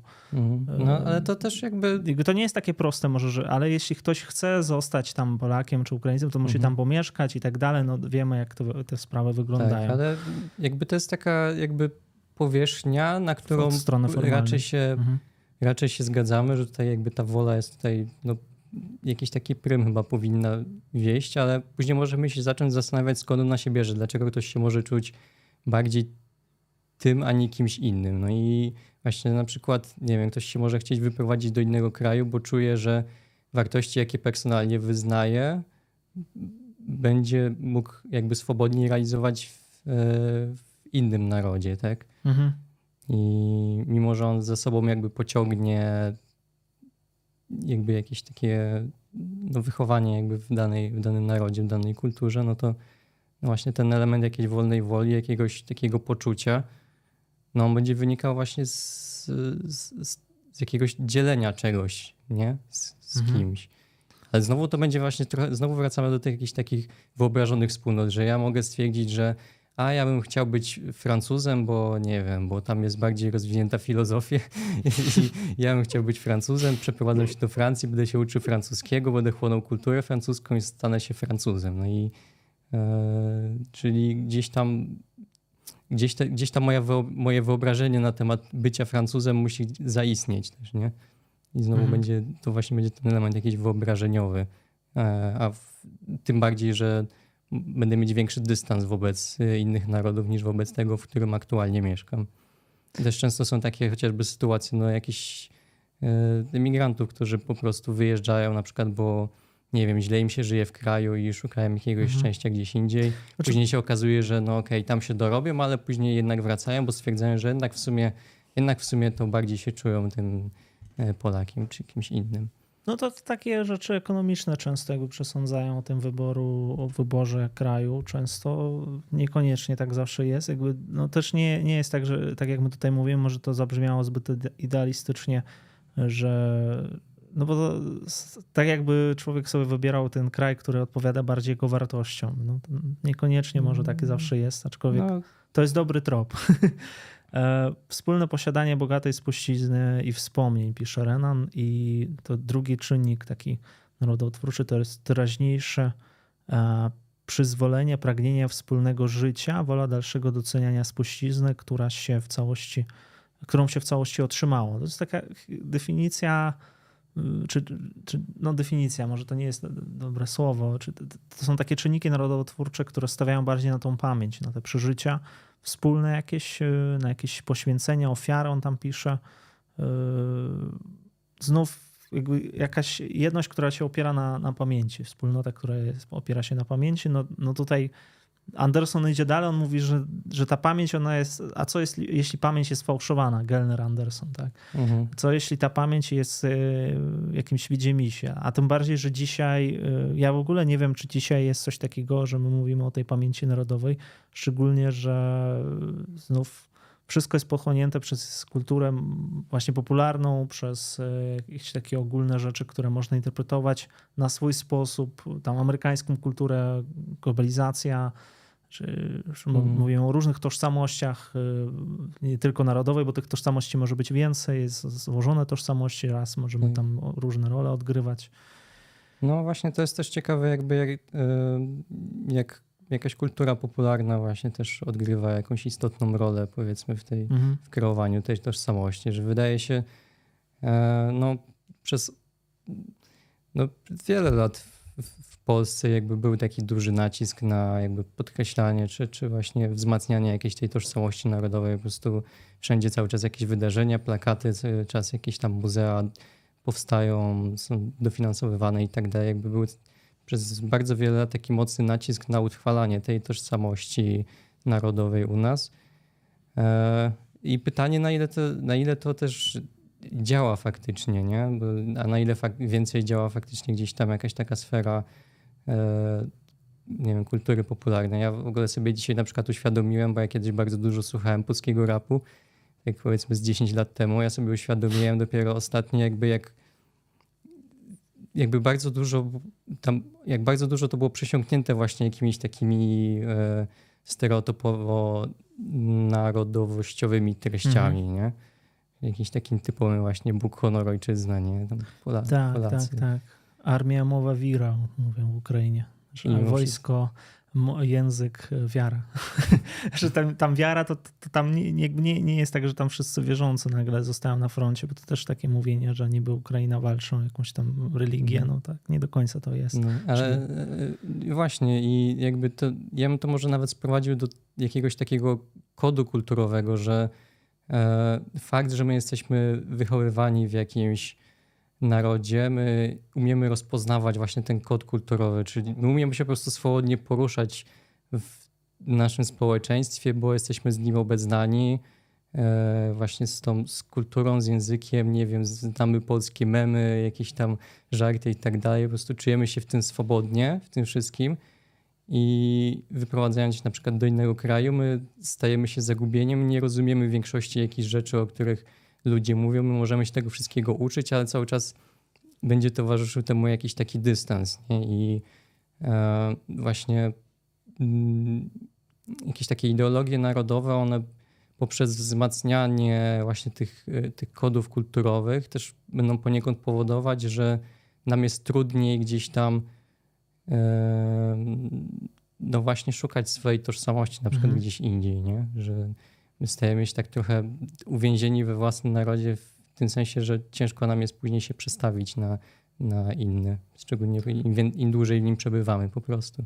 Znaczy ja nie wiem, czy tak czy, czy ludzie tak się mocno trzymają tego, bo teraz jakby wychodzimy od pewnych założeń, że jeśli jest jakaś ideologia y, tam narodowa czy nacjonalistyczna, to musimy jakoś ją uznawać od razu. No, znaczy, ja, nie, nie, nie, nie mówię, jest, ja, tak? nie mówię, ja nie mówię w mhm. żadnym stopniu o utożsamianiu się z tym, tylko o rozumieniu tego, mhm. że jakby ja mogę, nie wiem, y, śmiać się po prostu z, ze wszystkich jakichś działań, które na przykład, nie wiem, tam partia rządząca mhm. podejmowała, żeby próbować jakoś wzmocnić moją tożsamość narodową. Ja mogę to traktować tak, tak ironicznie, tak, tak. ale mimo wszystko y, jakby fakt, że ja to rozumiem i jakby się z tego mogę naśmiewać, to i tak jest coś, co może paradoksalnie moją, to moją tożsamość wzmacniać, bo dla mnie to jest wszystko zrozumiałe, ja się w tym płynnie mhm. poruszam, a dla kogoś z zagranicy to będzie jakaś taka bariera, która będzie mu utrudniać e, funkcjonowanie na przykład w tym kraju. A, rozumiem o czym mówisz. No dobrze. No, no, no, no, no ale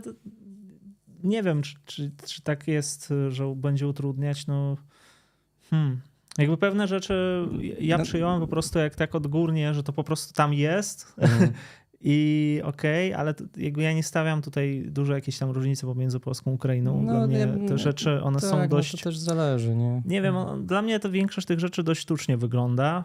Ja tutaj trochę trzymam się tych tez właśnie Andersona. On, on mówi, że w ogóle jakby czy, zastanówmy się, czy nacjonaliści mają swojego Tocqueville'a albo Hobbesa, Mhm. Yy, że tam mówi jeszcze w bardziej mocny sposób to, to, to że, że w zasadzie na, nacjonalizm nigdy nie wytworzył nic wartościowego. O, że Mhm. to, że my się wyróżniamy i co, i co z tego? To, że my uznajemy coś za konieczne, no to nie jest, to, nie jest jakby normalne.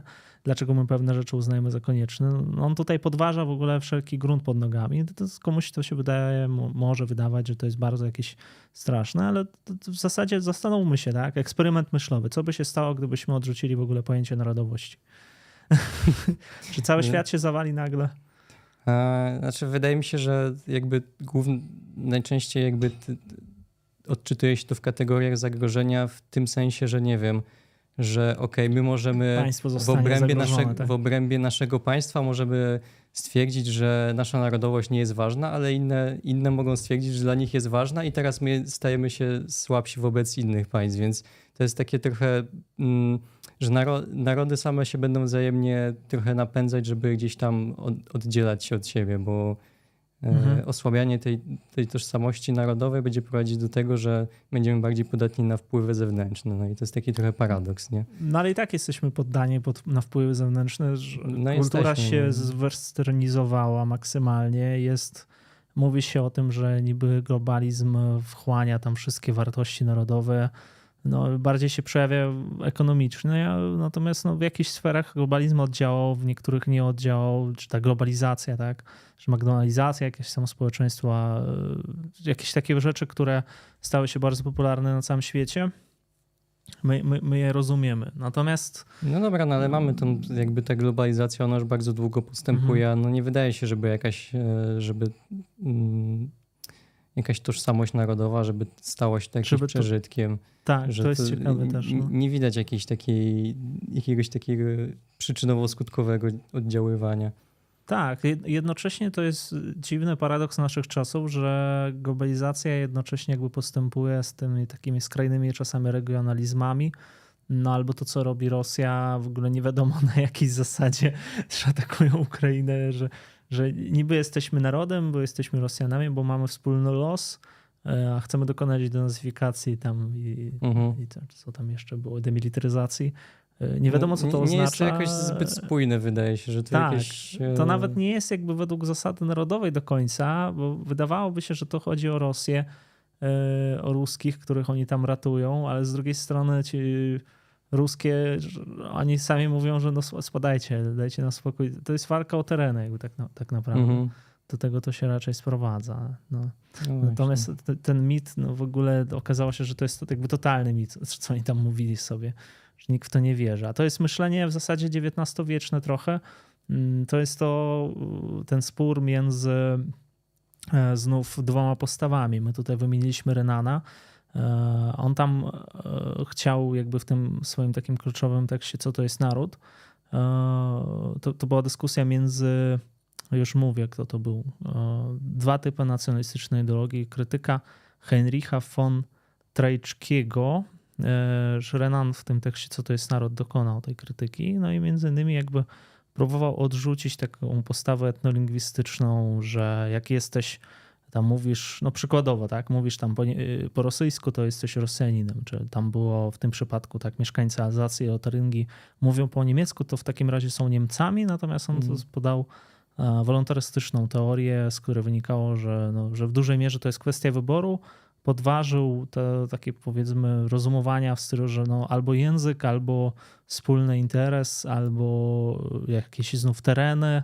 E, Podał dużo kontrprzykładów. E, No jeśli chodzi na przykład o język, tak? On to powiedział, powiedzieć o języku, e, język zachęca do jedności, ale nie zmusza do niej.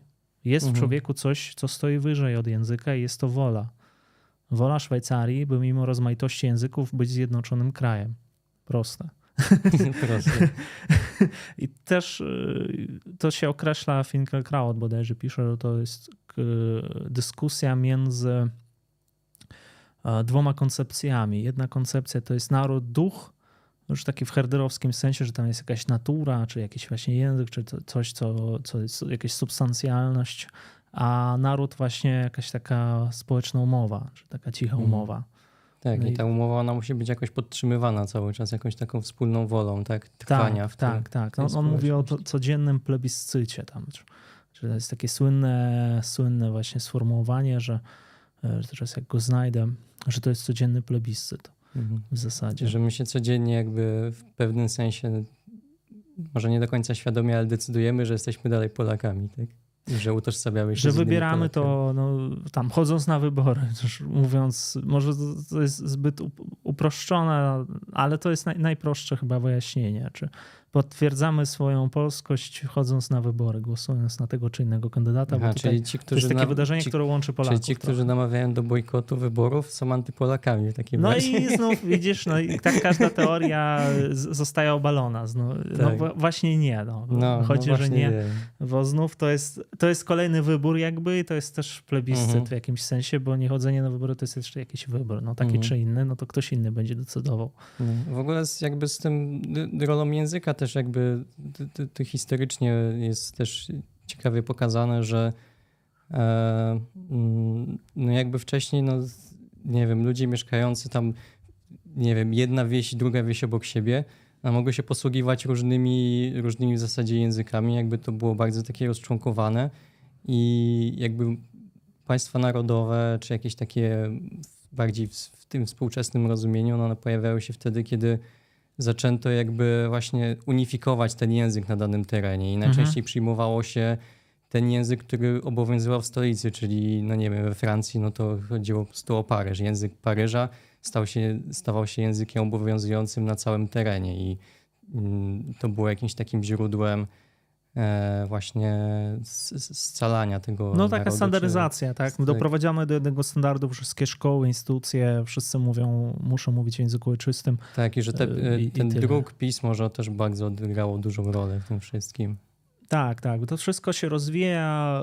Mamy różne takie czynniki, które oddziałały że to, na to, że ten na- naród no, w taki sposób, a nie winny powstał. Druk, y, jakieś media, znów gazety. Tutaj Anderson podaje ten przykład gazet. Mówi, że, w zasadzie czytanie gazety takie codzienne to jest kolejne jakby potwierdzanie tego, że ja jestem tam X, panem X. No Mhm.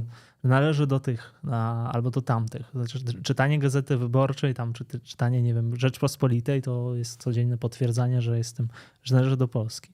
Mhm. No, no, no, no, no tutaj takie dowody jakby one rzeczywiście chyba, to, chyba to jakoś oddziałuje. Natomiast no, w jakiej mierze to jest czysto takie już subiektywne e, doświadczenie jakieś.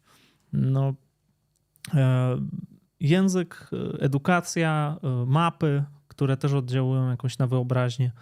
E, Co tam jeszcze? Spis e, ludności, e, jeden z takich przykładów. Mhm. Mm, Jakaś, jakieś takie rządzenie populacją generalnie w tym wszystkim przenika. Tak, może trochę z, z, innej beczki, ale e, właśnie Tim Edison też masz jakby książkę od niego Tak, tutaj, tak, Tożsamość tak, tak. Narodowa, Kultura Popularna, Życie Codzienne, jakby też e, fajnie pokazuje, jak to właśnie w życiu codziennym funkcjonuje. Tam pamiętam też był taki komentarz, e, już nie pamiętam niestety kto i o czym tam dokładnie było, ale było mniej więcej o tym, że no, że tam chodzimy na te wydarzenia sportowe, cieszymy się jakby ze zwycięstw Polaków w różnych tam dyscyplinach, jakby celebrujemy to wszystko, lubimy to po prostu. I właśnie Tim Edensor, Tim Edensor on właśnie też mówi o czymś takim jak takie odgrywanie narodu, że taki performance, że właśnie on najczęściej się przewija właśnie gdzieś tam w sporcie, w jakichś karnawałach i, i tego typu Mhm. rzeczy, że jakieś takie uroczystości, które nie są nawet ogórnie, odgórnie jakoś e, e, wytwarzane przez państwo, tylko no, w, znaczy, no w pewnym sensie też pewnie jakoś tam odgórnie, no bo i, mamy tam jakieś e, z, Przez kapitał jaki. no właśnie nawet, nawet nie kapitał, nie? Ale to, to jest jakaś taka codzienność, no ale też mamy na przykład, to jest bardzo ciekawe, taką produkcję dla turystów, że my w pewnym sensie będziemy e, tak nadmuchiwać ten balonik jakiejś takiej polskości, tak jeszcze bardziej podkreślać te wszystkie polskie cechy, żeby to stało się bardziej takie egzotyczne, atrakcyjne dla turystów. Mimo, że jakby faktycznie to nie do końca będzie tak, nie do końca tak wyglądało, to my będziemy jakoś tak umacniało naszą tożsamość narodową w ten sposób, że my będziemy coraz mocniej podkreślać jakąś taką specyfikę, nie wiem, różnych miejsc. Znaczy problem z tymi wszystkimi założeniami, czy z taką, można powiedzieć, z takim dyskursem podejrzeń, bo generalnie moderniści w taką stronę idą, że to wszystko jest jakieś takie sfałszowane, gdzieś tam podejrzewają o złe intencje. No, my nigdy nie wiemy, jakie są no, intencje. Właśnie... Oczywiście to potwierdza, subiektywnie odbieramy e, te wszystkie magnesiki w innych państwach, jako to właśnie tą, tą taką esencję tego tam narodu, czy jakieś takie podkreślanie, że my jesteśmy to, to jest ten naród, a my to, to, to jest ten naród i, i tak dalej. No, jakoś ta różnica, dystynkcja, ona jest wytwarzana hmm. właśnie przez różną taką znaczy, symbolikę. Ja właśnie która... jakby czytając jakby ten no. e, artykuł od, e, zapomniałem teraz nazwy Michał tego polskiego. Tak. Mhm. Ja właśnie czytając jego artykuł i tam właśnie miałem trochę inne odróżnienia tych kategorii niż ty i e, tam właśnie było rozróżnienie na modernizm i konstruktywizm mhm. i one w pewnym sensie są podobny, no bo właśnie to, to o czym mówiłeś. No tam do ale, kulturalizmu to sprowadził Tak, artykule. ale ten mhm. konstruktywizm właśnie, wydaje mi się, że on będzie taki bardziej podejrzliwy, że mo, ten modernizm może będzie bardziej uznawać, że no tak, one jakoś tam powstały w odpowiedzi na coś i one nie są często, nie odpowiadają często rzeczywistości, no ale tak w sumie, no okej, okay, no tak jest. A konstruktywizm wydaje mi się, że on jakby taki dość bardzo skrajny w tym sensie, że mhm te narody, one tak naprawdę nie istnieją jako realne wspólnoty, że tylko jest jakiś taki dyskurs narodowy, który jest produkowany wręcz przez elity i instytucje, tak właśnie bardzo instrumentalnie jakby będzie, będzie do tego podchodzić, że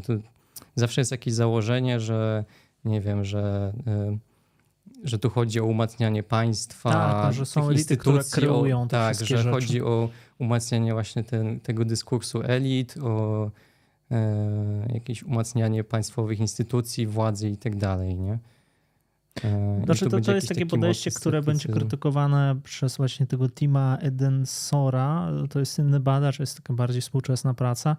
Tożsamość narodowa, kultura popularna i życie codzienne i on tam zwraca uwagę na to, że ci moderniści, szczególnie właśnie Anderson, tam Gelen, Gelner i mm, Hobsbawm, oni no, skupiają się głównie na tych elitach, pomijając jakby kulturę popularną, kulturę, o, mhm. znów tam jest takie założenie, że ta kultura wysoka tylko obowiązuje ten naród, a natomiast nie rozpatrujemy kulturę niską, bo kultura niska ona mhm. jest jakimś mhm. takim przypadkowym elementem, to jakby na nic nie wpływała, że to, a, a mhm. akurat tam jest takie twierdzenie, że, że to, ta kultura niska, kultura popularna więcej wpływała tak naprawdę śpiewanie tego Zenka tam, czy kogo tam. Ale to mówisz o modernizmie teraz, czy? To jest, ja, ja, ja, już nie ja, wiem, jaki to jest paradygmat, bardziej, bo to jest krytyka bardziej, modernizmu tak, bardziej. To, tak. Ja, to czytałem w kontekście tego e, etnosymbolizmu tak zwanego, mhm. że właśnie będzie się wykorzystywać jakby e, to, co jakieś takie ludowe, jakieś takie codzienne, mhm. będzie się szukać właśnie jakichś takich tradycyjnych elementów e, wśród tego ludu, jako coś takiego właśnie bardziej pierwotnego, co będzie miało jakiś taki element, e, no może niekoniecznie jakiejś wieczności, ale e, czegoś takiego trwalszego, tak, że mhm. właśnie to nie będzie narzucane od zewnątrz, tylko będzie wyszukiwane gdzieś tam i, i jakoś tam tak. w pewnym sensie rozbudowywane. Tak, no to jest kolejny paradygmat. No, tam jest, jest takie założenie, że e, w ogóle jakby naród e, przede wszystkim mógł istnieć e, wcześniej, zanim właśnie to, wydarzyły się te wszystkie rewolty, rewolucja we Francji, wojna domowa w Ameryce, że wcześniej już był jakiś naród, tylko że jakby nie był to naród taki w sensie nowoczesnym. No i e, że oni tam, etnosymboliści, oni zaczynają badać jakby od tych pierwszych takich narodów, tam Grecja, Rzym, e, że to były jakieś etnia, on używa takiego, Anthony Smith na przykład używa takiego pojęcia jak etnia. E, mówi, że te etnie no, to są jakieś wspólnoty etniczne, tak? Które w zasadzie mogły mieć e, przekazywane jakieś mity e, i one by stanowiły ich tożsamości jakieś właśnie jako tych etnia. No, no i znów jakby to, to jest dość problematyczne, bo to, tutaj no mało jest materiału z tego, co zrozumiałem. Materiału jest dużo, ale zarazem mało tego, co nas najbardziej interesuje, bo jakbyśmy się doszukiwali tam pojęcia jakiegoś takiego narodu nowoczesnego, to tam tego nie ma, bo no jest dużo różnych rzeczy i one są takie trochę jakby nie, nie, niestabilne. Mhm, Coś mhm. takiego, że możemy mówić o wspólnocie językowej, okej, ale znów nikt nie skupiał się tak na języku, że to jest ta cecha bardzo wyróżniająca jakoś ten naród jedno od innego. Mhm. E, Ja myślę, że możemy jeszcze do pytań przejść. Czy chcesz coś dopowiedzieć, bo ja ci tak Nie, trochę możemy, przerwałem. możemy przejść do pytań. Pytań jest dużo. Nie wiem, czy będziemy na wszystkie odpowiadać. E, Tam Robert na przykład pyta, Filip, co sądzisz o narodzie amerykańskim? Jak to się ma do pojęcia narodu? Ale jaki jest problem, Robercie? Rozwiń to. A, no e, pewnie chodzi o to, że, no, Że ta historia... że no, no to jest powiedzmy dość, no to jest Mhm. współczesny naród, jakby on powstał relatywnie niedawno w, w porównaniu do jakichś tam narodów europejskich, tak i e, że oni to swoją tożsamość wytworzyli jakby w opozycji tam do, do, do Wielkiej Brytanii, nie? Że, że Mhm. że no jakby podzielali ten sam język, w sumie pochodzili z tych samych terenów, po prostu stamtąd wyjechali, no i co? I w sumie się niczym nie odróżniali, tylko pojechali gdzieś indziej. I jak Czyli oni tak teraz samo- mają być, jak teraz mają być odrębnym, odrębnym państwem, tak? Mhm. I No ja że, rozumiem że, że, że ta, ta, naro- ta, ten naród on się jakby kierował w opozycji do, do czegoś, nie? I Tak, że te, to- mają tą swoją historię, jakby ona jest relatywnie krótka i ją trzeba było jakby na, na bieżąco jakoś też e, wytwarzać w pewnym sensie. Mhm. No to w takim razie w czym się różnią narody Europy? Tym, że po prostu zrobiły dokładnie to samo, tylko wyszły jakby z imperiów, z jakichś większych bytów albo mniejszych bytów i też zunifikowały Znaczy, no tam można jakoś łatwiej ma, mogą sobie jakby wyśledzić jakieś, jakąś swoją przeszłość, tam nie wiem, Francja, Tak. tam do Franków się może cofnąć, nie? Tak, wykluczyć i wszystkie szu- inne. Szukać, no, jakiejś, tak, no, szukać jakiejś takiej ciągłości w historii, nie? I, e, a z kolei takie państwa, które powstawały bardzo no, relatywnie niedawno, no, one muszą stosować trochę inne, trochę inne podejście. Dlatego właśnie nie, ma, nie można wskazać jakiejś takiej jednej genezy, jak powstają narody, no bo to, to, to, to, to będzie różnie wyglądało. No bo, znaczy można wskazać różne rzeczy. Anthony Smith pisze na przykład, że powstanie jakiegoś narodu to jest tak naprawdę jedna wspólnota etniczna, jedna ta etnia zaczyna dominować nad innymi i wtedy dopiero ten naród jakby powstaje. Tam jeszcze No właśnie, no, inne Amery- Ameryka wchodzą i one się unifikują. Ameryka ona była z założenia już wielokulturowa, nie? A Tak. mimo wszystko stanowi jeden naród. I jak to się mogło stać, skoro cały czas tutaj mówimy o jakiejś Mhm. jakby, że ten naród, on już, to powiedziałeś sobie na samym początku, że ta definicja narodu, czy samo to pojęcie narodu, ono już jakoś tak implikuje, że jakieś, takie, jakaś taka esencja tutaj będzie, nie? W tym wszystkim. Tak, tak. A w przypadku takich właśnie, takiego multikulturowego państwa, to się wydaje takie nieintuicyjne bardzo, jak to się w ogóle dzieje. Czyli ja nie widzę tego problemu z, z, z, dowolnym narodem. W zasadzie jakby wszystkie tam.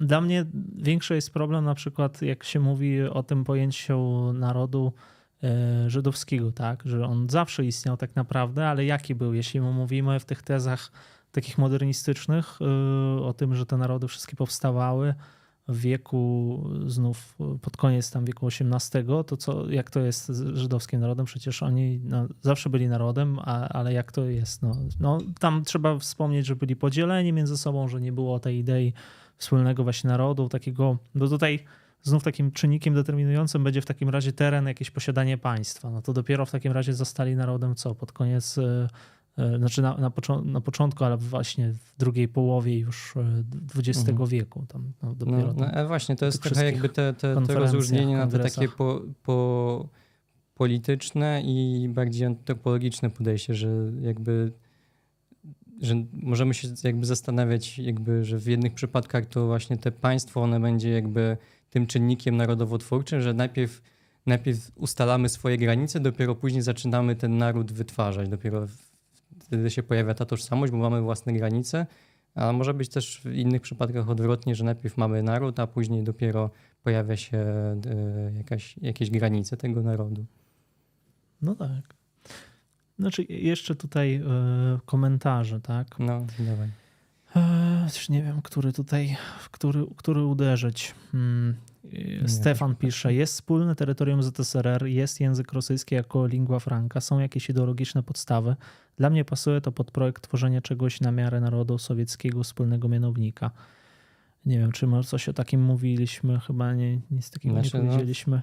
Znaczy, no to się wpisuje w tę koncepcję, która Mhm. będzie szukać jakiegoś, e, jakiejś wspólnoty etnicznej, że Mhm. nas tutaj łączy coś. No ale właśnie, dlatego będziemy... A, że to jest, że jak o wojnie mówiliśmy, to coś Dlatego, takiego, no, będziemy to ich celem. No tak. no tak, no to jest jaka jedna z... No ale właśnie to jest takie Y- instrumentalne też wykorzystywanie, bo tam raczej nie ma Mhm. takiej woli, żeby faktycznie, nie wiem, wszystkim żyło się lepiej, tylko bardziej chodzi po prostu no, o zwykłą poszerzanie jakichś wpływów i władzy.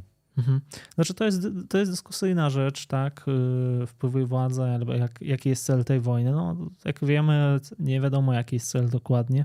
Yy, Są takie interpretacje, że to chodzi o tą, że to jest wojna nacjonalistyczna, są takie, że chodzi o poszerzenie terenów, yy, tam, że oni poszukują tej jedności losu. No, każda, ta jest, każda od tych odpowiedzi ma, powiedzmy, uchwytuje jakąś część tego ogólnego obrazu, dlaczego ta wojna nadal jakby trwa, dlaczego oni ją zaczęli.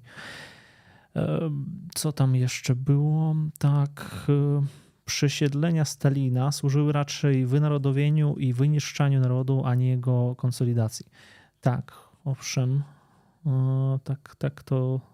Znaczy tam były jakieś pod tym teorie, które no wiemy jak się skończyły. Niezbyt to było w ogóle. Ja nie wiem, czy jakby tam znów. Ja, ja nie wiem dokładnie, jak ta, na czym to miało polegać, że, że oni jakby wysiedlili, oni planowali tam, z tego co rozumiem, e, no, to, tak jak tym, z tym Krymem na przykład, Ros, Ros, Rosjanie tam później przyjechali, natomiast tamtych wysłali gdzieś do innego miejsca, albo to samo zrobili z Żydami, tak? Jakaś tam teoria była, że, że Żydzi się przyczyniają, to jest walka z kosmopolityzmem i tak dalej. No ró- ró- różne dziwne teorie mieli na temat innych narodowości. A, a, t- t- t- t- t- co tam jeszcze było? Hmm, Moment. Możecie jeszcze raz te pytania sobie powysyłać, bo my tutaj Tak, raczej- ciężko odróżnić, gdzie między sobą decydu- tam dyskutujecie, a gdzie było jeszcze pytanie Tak, tak, tak. do nas. E, Filipie, nie chodzi o z USA, a o to, że jest jakiś problem, chodzi o inną specyfikę w porównaniu z na przykład Polską. No ale to z dowolnym narodem zawsze jakby są różnice powstania, te mity są inne jakby, mm, na których powstają te narody. In, inne jakby zawsze jest podłoże. Tak, co tam jeszcze Mm. było? Jest taki komentarz też, e, że w spisie narodowym było pytanie o narodowość. Przez narodowość należy O. rozumieć przynależność narodową lub etniczną. Nie należy jej mylić z obywatelstwem. No właśnie, ja pamiętam też takie przypadki, że tam ludzie się dopisywali tam osobną kratkę, że wpisują, że czują się Ślązakiem na przykład. Mhm. No tak, tak, tak. Em, Filip, czy dla Boga narodowość jest ważna? Jak każda inna. Wszystkie. E, tak, co tam jeszcze było? Jakby, no też nie mówię, no tam dużo było takich głosów, że tam nieważny jest naród, ważny jest człowiek, coś tam, bo nie czuje się Polakiem, czuje się człowiekiem tam i tego no typu to, ma- rzeczy. to ma jakby, sens, no to tak. No, jakby nie, nie, jakby my jakoś nie, nie legitymizujemy powiedzmy, czy nie, nie, nie twierdzimy, że nie wiem, naród to jest najważniejsza rzecz, czy coś tam macie się z narodem utożsamiać, tylko po prostu jest to jakaś e, siła znaczy w jest to świecie, która determinuje nas obecnie, byt, więc po prostu o y, tym do rozmawiamy. którego się tak? odnosimy. Ja nie wiem jakby na ile mnie to determinuje. No, też na do- poziomie ideologii jakiejś na pewno coś tam jest, ale No, Ja, ja, ja powiem szczerze, że ja tego nie czuję jakoś znaczy bardzo po prostu czasami. Trzeba, czy powołanie no, jesteśmy ludźmi wielkiego- wielowymiarowymi, tak? To nie jest Tak. tak, że jak jestem Polakiem, to nie mogę, nie wiem, myśleć w innych kategoriach o sobie. Tak. To, to, to. W kolejnym pytaniu było, czy odczuwa się przynależność do jeszcze innego narodu lub wspólnoty etnicznej. Bliska tam pisała wcześniej. Dobra, to jest to, co przeczytałeś chyba. Tak. Tylko końcówka. To jest jeszcze takie pytanie, czy narodowość skończy jak gender? Wystarczy mieć indywidualne Mhm. poczucie, można je narzucać innym. No, no nie można narzucać, jakby to jest jakby te clue tego, jakby wychodzimy od tego poczucia, tak? E, Ale też się raczej na nim nie, no, nie zatrzymujemy, że to jest jakiś powiedzmy taki pierwszy krok, nie? Znaczy nie wchodząc w tą dyskusję, to tam ktoś y, rozumie ten gender po prostu na jakiś swój sposób. No, ja już będę pobijał jakby te, te, te, te, te, rozumienie tego, tak, jakichś kwestii jakby, no, genderowych. Po prostu chodzi mi, chodzi mi bardziej o to, że e, no to nie jest warunek jakiś wystarczający mimo wszystko. No, co, co z tego, że ja się, nie wiem, ja stwierdzę teraz, że się czuję mm, nie wiem, Niemcem, mogę nic nie wiedzieć kompletnie, pojadę do Niemiec, nie znam języka, nie znam kultury, nie znam niczego. No i, i jak to ma mi pomóc jakby w poczuciu bycia Niemcem? To już trochę tak zakrawa jakąś taką schizofrenię po prostu. Jakby nie mam nic wspólnego z tym, ale będę mówię, że jestem Niemcem. No to, to, po prostu to, to, jest szukanie jakichś wspólnych mianowników, no to jest jakiś taki też proces, nie? To nie, nie mówimy jakoś tak zero-jedynkowo, wydaje Mhm. mi się. Że jakby to, to, to może też jest taki ko- kolejny wniosek, że chyba nie chcemy, przynajmniej tak mi się wydaje, mówić o tożsamościach, czy o, no właśnie, no może właśnie bardziej o tożsamościach narodowych jako czymś zero-jedynkowym. Mhm. Tak, tak, żeby to nie było, bo no, człowiek może posiadać kilka obywatelstw i jakby z tym nie będzie też miał problemu, by dzisiaj utożsamiał z jakąś jedną narodowością albo z kilkoma No, naraz. a właśnie no, to- to utożsamianie się się tak czymś polega też na jakimś takim dążeniu do czegoś, tak? Tu jest jakieś dążenie, w tym jest jakieś e, chęć jakiegoś poznania, jakieś e, rozszerzania jakiejś takiej samoświadomości w tym kontekście. Więc tutaj Mhm. jest, jest jakiś taki rozwój, jest jakiś taki proces. To nie jest jakieś takie puste stwierdzenie, że czuję się tym, to jestem tym, nie? Coś, że coś za tym stoi, to nie musi być jakoś bardzo, e, Tak, to nie- bardzo scharakteryzowane, jakoś ukonkretyzowane, ale to nie znaczy, że tam nie ma żadnych podstaw. No to coś tam musi być na pewno, jakaś literatura czy coś takiego. No, ja na przykład, no, no nie wiem, dla mnie jakby takim wyznacznikiem jest jakaś literatura krajowa, na to bo najbardziej zwracam uwagę, ale czy ja się tam od- razu uważam za Rosjanina, skoro już tam trochę literatury tej rosyjskiej przeczytałem? No niekoniecznie. A czy, a czy wydaje się wam, że tworzy się naród europejski? Jan Pielich mm, pyta. Znaczy, ja, ja bym powiedział tak, że to jest jedna z tożsamości chyba wszystkich Europejczyków, y, że, się, że są Europejczykami i na ten czy inny sposób to rozumieją. Mają tam prawa pewne, y, że mają możliwości większe. No tutaj ja uważam, że jest coś takiego jak naród europejski i o tym prędzej powinniśmy Mm. mówić i na tym się skupiać. Jakaś wspólnota razem. Znaczy to, bo, Mm. nie wiem, bo często jak się pojawia ten temat tam Polska, Unia Europejska, Mhm. to zaraz jest takie, jakieś takie straszenie, że nie wiem, Unia Europejska nam nas wchłonie nie wiem, jakoś tak, Tak, demonizuje, się, demonizuje się strasznie, że nam się zabierze wolność, że nam się zabierze tożsamość, wszystko nam się zabierze. E, no ale no, jakby No to z jest czego to ma niby polity- Nie, no to jest manipulacja. To jest, polityki jest dużo w takim gadaniu, jakby to nie, właśnie wcale tak nie jest, jak sami widzicie, no, jakby narodowe, te różne symbolika, historia, że Polacy raczej bardzo się interesują historią i strasznie lubią jakby o sobie czytać też. Jakby I ja rozumiem, się z tą że, ja rozumiem, że ludzie się mogą, nie wiem, obawiać Właśnie jakichś tendencji, się, takich, tak, jakichś akurat. takich tendencji uniwersalizujących, że jednak no to ma związek też, też przede wszystkim z tą globalizacją, tak? Już nie tylko jakieś tam e, kwestia właśnie kapitalizmu czy, czy środków transportu, no ale mamy teraz kwestię jakiejś tam katastrofy klimatycznej, tego wszystkiego, jakby to nas w jakiś sposób zaczyna łączyć ze sobą, chcąc, nie chcąc, więc e, ta tożsamość ponadnarodowa, ona też się będzie kreować e, w pewnym sensie, no właśnie w odpowiedzi na jakieś, na jakieś potrzeby, więc tutaj może ten, Mhm. ten paradygmat taki, taki modernistyczny, może on ma tutaj trochę zastosowanie, nie mówię, że on jest jakiś wyczerpujący, no ale trochę tak jest, no ale nie ma co tego jakoś gdzieś tam demonizować, jakby Znaczy, nie są jakieś wykluczające się Renan, rzeczy. znów Renan tutaj wszystko nam już powiedział. On napisał, że, e, że ostatecznie to wszystko ma zmierzać do jakiejś federacji narodów. To jest Mhm. tak się kończy Tak, jego to jest tekst, ten, że e, to co ostatnio tam burza, Europejska burza, burza Konfederacja. była tam w, e, w mediach, no szczególnie tych bardziej prawicujących, że tam redaktor naczelny Onetu stwierdził, że to jest czas, żeby stworzyć federację tam Unii Europejskiej. Hmm. I teraz się wszyscy boją, że nie wiem, że coś tam. Dobra, ja, ja jeszcze poczytam czat. jeszcze poczytam czat. Znaczy, ja tylko powiem, że no, nie wiem, piszą. mamy taką Amerykę, która ma swoje stany, one potrafią być skrajnie różne od siebie, tak? Jakby ile ma wspólnego tam y, mieszkaniec Teksasu z mieszkańcem Los Angeles. No, y, jakby ludzie gdzieś tam na przykład żyjący na peryferiach będą mieć więcej wspólnego często z ludźmi, którzy na przykład Mhm. mieszkają na peryferiach w Kanadzie. Mimo, że to są osobne nacje, osobne państwa, mogą mieć ze sobą więcej wspólnego niż wewnątrz własnych e, narodów. Mhm. Jakby, i, jakby co z tego, nie?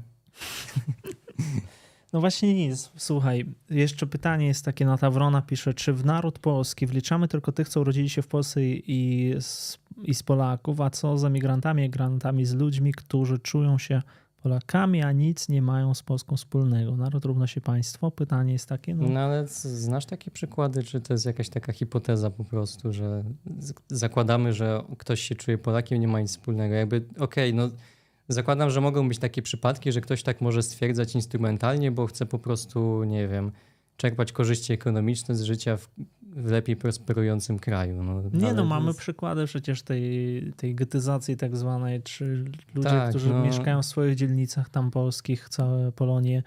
E, Tutaj jakby nie trzeba wyjeżdżać za daleko, można z, z powrotem, jadąc do Stanów Zjednoczonych, wrócić do Polski. Tak. Z Polskie Polski do sklepy, Polski. język polski, Tak, szkoły tak, polskie, tak, wszystko jest tak, polskie, tak. tylko że w innym kraju. I, I nie trzeba jakby uczyć się tam nie, żadnego innego języka. Jeżeli naród jest sztucznie tak, to chyba było mm, o tym dobrze wspól, dobru wspólnym.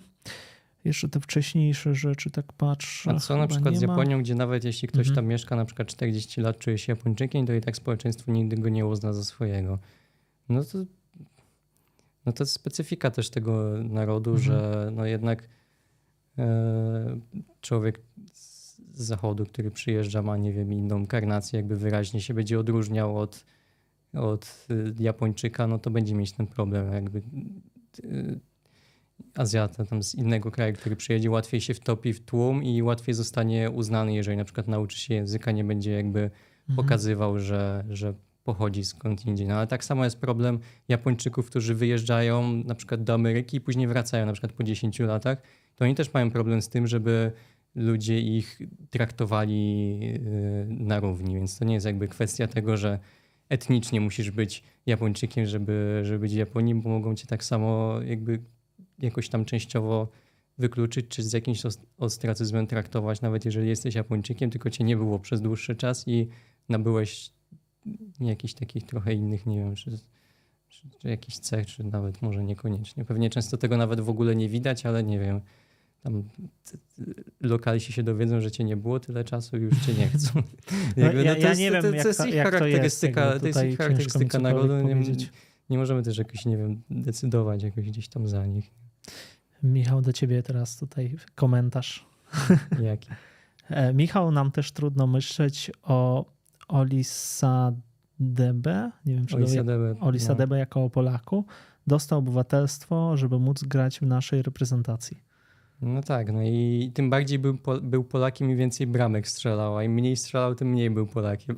A, tak, tak. Czyli to to jest, to, jest takie na zasadzie, że dopóki się przyczyniasz do sukcesu, do naszego jakiegoś sukcesu na arenie międzynarodowej, to jesteś jednym z nas. E, A jeżeli nie jesteś już przydatny, możemy cię znowu wykluczyć na powrót. że poziom polskości może zmaleć nagle. Tak, e, tym mniej jesteś e, Lewandowski, tym mniej jest Polakiem, im więcej występuje w, w reprezentacji, tam nie wiem, znaczy w, tam w klubach jakichś niemieckich. A co z małżeństw, z małżeństwami mieszanymi? Podwójna narodowość? Można czuć się półpolakiem? Nie no, nie pół Polakiem, tylko Polakiem i kimś tam. No to nie jest tak, że jakby, że jak, że jak się czuje, że to się jakoś dzieli. No to, to, to, to Tak. nie wiem, to nie Pola- musi być Polakiem taki... ukraińskiego pochodzenia.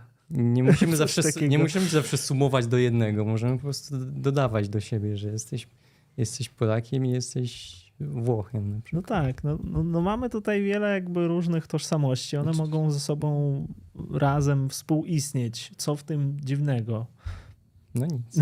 Wiadomo, że im więcej tych, im więcej tych jakichś narodowości, tym pewnie trudniej to jakoś utrzymać, no bo to już jest jakby trzeba mieć me, mega mózg po prostu, żeby się jakoś dobrze też poruszać w tych wszystkich, yy, w tych wszystkich wspólnotach.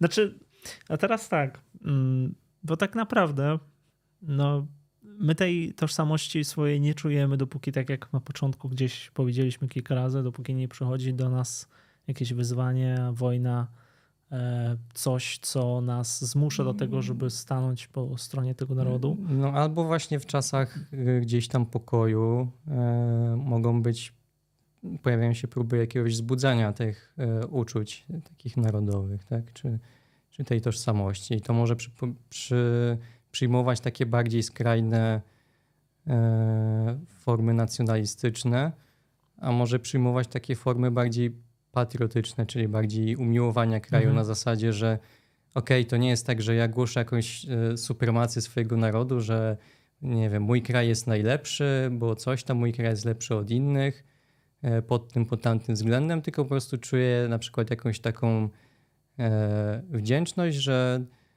miałem szansę urodzić się w miarę bezpiecznym kraju i chcę na przykład jakoś za to, nie wiem, jakoś tam dziękować, nie wiem, płacąc podatki na przykład.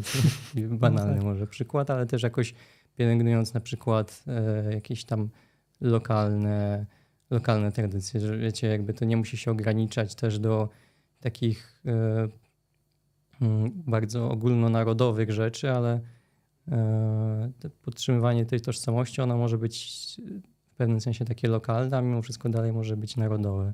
Czy ja w ogóle przeczytałem coś takiego, jak, że istnieje coś takiego, znaczy to, takie pojęcie do analizy, społeczeństwo postnarodowe na przykład. Mhm. Społeczeństwo, w którym jakby uznaje się tą politykę tożsamości, a teraz chyba wszędzie to się uznaje, znaczy coraz więcej.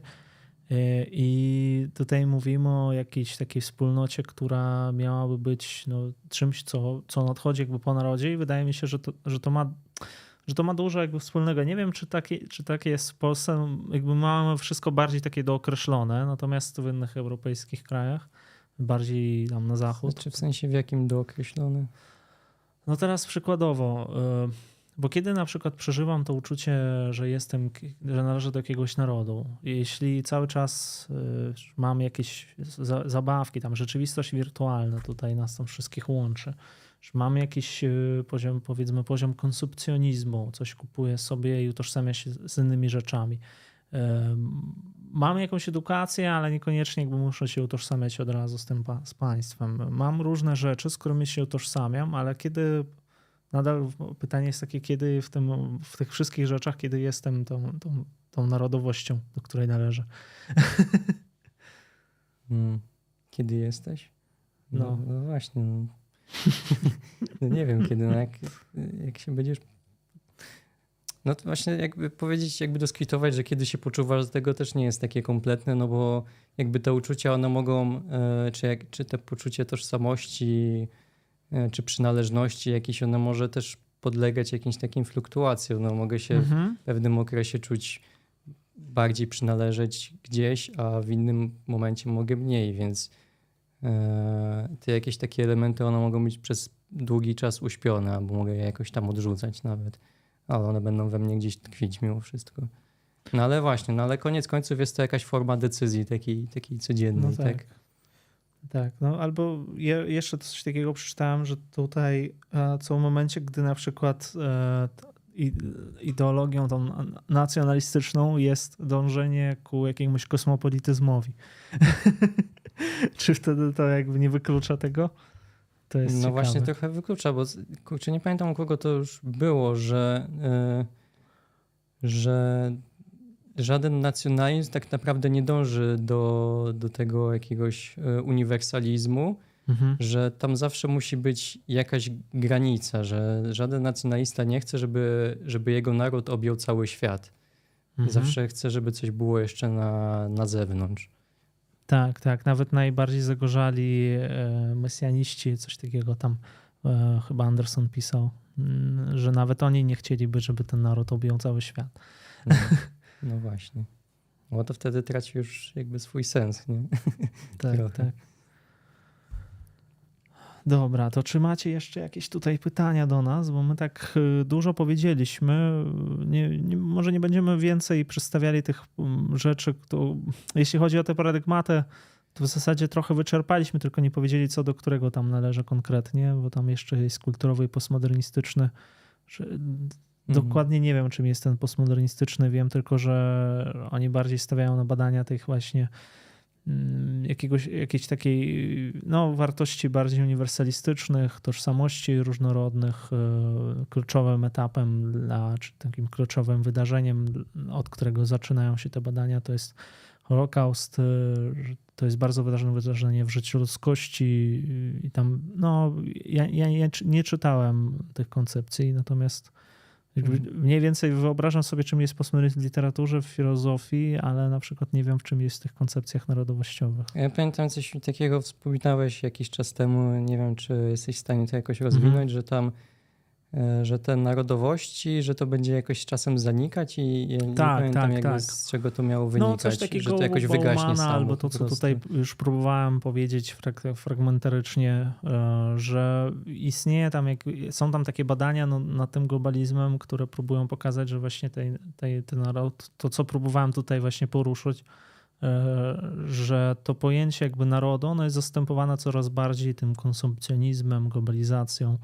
No właśnie, ale jakie to były lata? To były jeszcze lata, nie wiem, tam 90. Mm, To jest początek 2000 już tak mniej więcej. No, bo wydaje mi się, że to był taki okres, gdzie faktycznie te, te, te, może nie, że obawiano się jakoś tej globalizacji, ale tak przypisywano może jakąś większą sprawczość. magiczne. Tak, większą sprawczość niż ma w rzeczywistości, że jednak trochę te, te dwie dekady powiedzmy trochę zweryfikowały pewne tezy, że ona nie jest, globalizacja nie jest tak wszechogarniająca, jak się, jak się na początku wydawało. Mhm.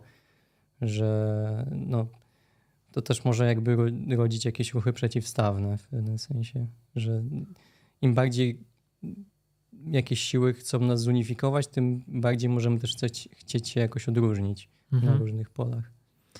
No tak, tak, tak. No już wszystko jest tutaj złożone akurat. Jeśli chodzi o te różne państwa, to każde państwo prowadzi jakby inną politykę też e, tożsamości. Różne są postawy, że mamy założenie jakiegoś relatywizmu kulturowego albo właśnie takiej tożsamości twardej. Mhm. Y, No, znaczy to, co czytaliśmy ostatnio z tobą, Finkel Krauta w porażce myślenia, on tam przedstawia takie dwie skrajności. Mówi, że z jednej strony są, jakby są ci, którzy stoją za taką twardą polityką tożsamości narodowych i, no i tutaj jakby to jest takie spektrum powiedzmy i te najbardziej skrajne postawy to będzie szowinizm, a z drugiej strony są relatywiści kulturowi, którzy będą twierdzili, że w sumie jakby wszystkie narody, wszystkie tożsamości narodowe mogą ze sobą istnieć w takie właśnie polityka multikulturalizmu, żeby to nie używać słowa multikulti. Bo to, i, I że to jakby z jednej strony może być tak, albo tak, albo tak, a więc należałoby szukać jakiejś takiej średniej postawy umiarkowanej. Znów zależy od państwa, od polityki emigracyjnej Mhm, i tak mhm. dalej. No. No Jest to dużo znowu, takich znowu zmiennych. jakby gdzieś y, współczesna historia jakby weryfikuje pewne y, podejścia, że faktycznie y, trzeba jakiejś, jakiegoś konsensusu szukać, bo ideały nie zawsze się gdzieś tam po zmierzeniu z rzeczywistością y, jakoś sprawdzają, tak? I no, mimo najszczerszych jakichś dobrych chęci, no trzeba też trochę pragmatycznie patrzeć na rzeczywistość, chociażby taką właśnie migracyjną. To prawda, tak. Ja mam jeszcze takich kilka z, e, fajnych przykładów, e, mm, bo powiedzieliśmy też, że, czy może jeszcze to jakoś tak dopowiem, że, e, że te powstawanie tych narodów, szczególnie w, takiej, w tej, w tych modernistycznych koncepcjach, ono też jest związane z, tak, z, z homogenizacją, tak, z jakimś takim ujednoliceniem e, tego danego narodu i z jakimś takim próbą e, wytworzenia jednej jakiejś takiej ciągłej historii danego narodu, żeby można się było z nią łatwo gdzieś tam utożsamić, żeby widzieć tam, e, no bo tym ciężej się będzie utożsamić, jeżeli, jeżeli to wszystko będzie takie rozmyte, tak? I Mhm. mm, można tutaj próbować, im, im dalej sięgamy gdzieś tam w historię, tym bardziej właśnie e, mm, ta, ta narodowość, ona, czy ten naród, on będzie konstruowany właśnie, czy wyobrażany w tym sensie, że im dalej w las, tym mniej mamy dostępu do tego, co było, więc więcej możemy jakoś tam e, sobie dopowiedzieć czy zinterpretować, a w przypadku właśnie jakichś takich wydarzeń, chociażby z, z XX wieku, no to tu już się pojawia problem, bo jest jakoś tam dość mocno to z, udokumentowane. I jest taki e, przykład, właśnie też mówiłeś o tych e, muzeo, muzeach, e, że mhm. one pełnią tutaj jakąś istotną rolę. E, w Muzeum Narodowym Szkocji była właśnie, e, właśnie tam chodziło o to, żeby te wystawy zorganizować tak, żeby e, no Muzea Narodowe raczej służą temu, żeby jakoś właśnie budować tą, tą, tą, tą mhm. narodową tożsamość, tak? No takie jest raczej ich rola, żeby gdzieś tutaj przedstawić jakąś taką historię spójną danego narodu. No ale jak się pojawił ten XX wiek, no to ci kuratorzy no nie mogli się ze sobą dogadać, jakby co, co jest ważne na przykład z tej historii dwudziestowiecznej, co nie jest ważne, co tam się powinno znaleźć, jak, jaką po prostu wersję historii XX wieku przedstawić po prostu, mhm. nie? No i zwrócili się jakby do, do, po prostu do jakby obywateli, żeby sami po prostu wybrali w jakichś tak głosowaniach, jakby co uznają, jak jest, e, co powinno się na tych wystawach znaleźć w tej historii najnowszej Szkocji i znalazło się tam ponad 300 różnych jakichś eksponatów i tam były takie rzeczy jak piłka nożna, posążek tybetańskiego Buddy, prezerwatywy i hamburger. No i, no i właśnie okazało się, że jakaś taka spójna interpretacja tej historii tego XX wieku, tej, tej Szkocji jest niemożliwa. E, I że dla różnych ludzi to będzie w ogóle co innego. Szkocja będzie znaczyło co innego. Tak samo mhm. dla nas, Polaków, czy dla, dla Ukraińców, jakby każdy będzie po, Polskę, polskość, e, bycie Polakiem będzie trochę inaczej e, interpretował, szczególnie w przypadku tym tych współczesnych. No i to też trochę pokazuje, że jesteśmy bardziej zróżnicowani niż nam się próbuje właśnie często w, w takich dyskursach narodowych e, powiedzieć i że często nas jakoś tak nawet ciężko odróżnić od innych e, narodów pod wieloma względami. No, to jest często pytanie, które to już mówiłem o tym, że dostaję to, czym się różnimy. To jest jakiś taki, że nie, właśnie nie wiadomo, czym. że jakieś tak y, jakieś takie narodowe dyskursy czy ideologie, one próbują jakiś taki mit konsensusu stworzyć na temat przeszłości, że było tak, a tak, że wcze wcześniej to było wszystko jasne, teraz się dopiero pomieszało w teraźniejszości, ale po no prostu tak, bo teraz, teraz jakby to jest tylko efekt jakiejś takiej interpretacji, jakiejś selekcji, tak, nie? Teraz to wszyscy nam mm. chcą zaburzyć tą rzeczywistość. Tak, przyszedł. Wrócił współlokator. tak, to już teraz jakby a Unia Europejska nas chce tutaj e, jakoś wykorzystać, e, że zniszczy, e, jakoś zburzyć naszą narodowość, tak? jakieś... Trzeba by też jakby odróżnić może jakby kulturę danego narodu od, od kultury narodowej, że to mhm. są jakby różne rzeczy, że możemy mieć, że kultura danego narodu to będą jakieś takie atrybuty tej, tej grupy społecznej, a kultura narodowa to będzie coś, co ma niby być naszą jakąś taką, taką cechami konstytutywnymi, co będzie stanowić jakąś taką podstawę odróżnienia, jakby jakiegoś wykluczenia, że e, to, to jesteśmy my, to jesteśmy wy, bo wy nie należycie do tej kultury narodowej i to może być, właśnie to będzie ten taki tym, czym będzie się państwo interesowało najbardziej w, w kreowaniu właśnie tej narodowości. Tak. A, myślałem, że Zostaliśmy ograniczeni, odcięci od świata. Tak, nie możemy już stąd wyjść. Za, Tworzymy tu naród. Tam jest y, komentarz od Stefana, e, pisze wspólnota, wspólna narracja historyczna jest istotna. Znaczy, jakby się rozwinął, bo no ta wspólna narracja historyczna istnieje na poziomie szkół, natomiast jak się idzie już na historię, na studia, to się człowiek dowiaduje, że to nie jest takie proste wszystko mhm. z tą mhm. historią i co innego pamięć narodowa, co innego historia, mhm. co innego jeszcze to, to, są te rzeczy, które w zasadzie nie są nam dostępne, jakoś tam mhm. rzeczywiste intencje innych ludzi. No, Renan pisze, znów przepraszam, że za, za Renana, ale Bardzo pisze, się spodobał ten często, Renan chyba najbardziej Tak, te narody stanowią właśnie, powstają w wyniku jakiegoś takiego błędu, że, że po prostu się zapomina o pewnych rzeczach. Istota narodu polega na tym, że się zapomina o wszystkim i się pamięta pewne jakie takie prawdy, oczywiste niby dla wszystkich i to, i to ma stanowić taką podstawę dla narodu. No jest to ciekawy tekst, jakby on wiele na różne sposoby go tam moderniści interpretowali, inaczej etnosymboliści, jeszcze inaczej tam prymordialiści mogli zobaczyć w nim właśnie taką też jakieś elementy tej du- duszy narodu, bo tam, tam faktycznie pojawia się coś takiego, Mhm. że to jest dusza narodu, że istnieje jakaś ciągłość tego narodu i że ten naród tak jakby pojawia się i znika, on tam pisze w jednym fragmencie, więc to, to się nazywa takie stanowisko prynializmem chyba jakoś tak. To jest jeden z takich paradygmatów, on jest y, może rzadziej spotykany, ale no, często jest mylony z prymordializmem, o ile dobrze to teraz powiedziałem. Stefan pisze, że wspólna narracja historyczna jest istotna, w sensie, że mówimy jednym głosem. To, że mówimy jednym głosem, jest elementem budowania wspólnoty narodowej.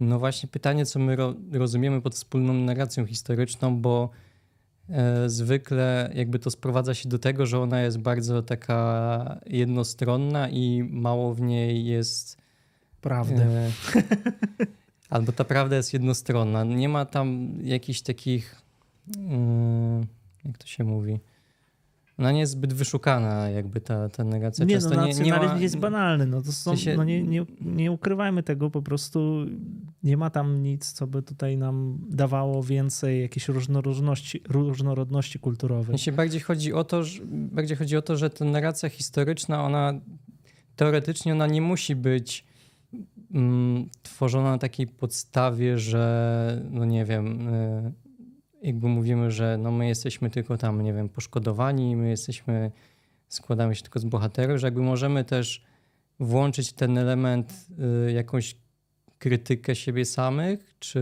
Mhm. no jakby zmierzenie się też z pewnymi bolesnymi prawdami i one mogą należeć do tej wspólnej narracji historycznej, tylko problem jest taki, że zwykle się tego e, nie robi w takich, e, w takich narodowych dyskursach, Czyli bo, się robi, bo to się nie bo robi. Znów jakby tutaj mamy albo jakoś tak bardzo wybiórcze. Niemiec, y, no i oni robią, tak? Oni oparli o tym, na tym tożsamość w jakimś sensie. No, Znów no ale tak jak to- to widzę, tak, będzie tak, jak, tak jak po to w Polsce czasie. wygląda, wydaje mi się, że to, jakby ta polaryzacja ona powoduje, że nie wiem, wszyscy się oskarżają, że o, nie wiem, o bycie Polakiem, nie bycie Polakiem, że nie możesz nic złego powiedzieć o Polsce, bo już jesteś wrogiem narodu.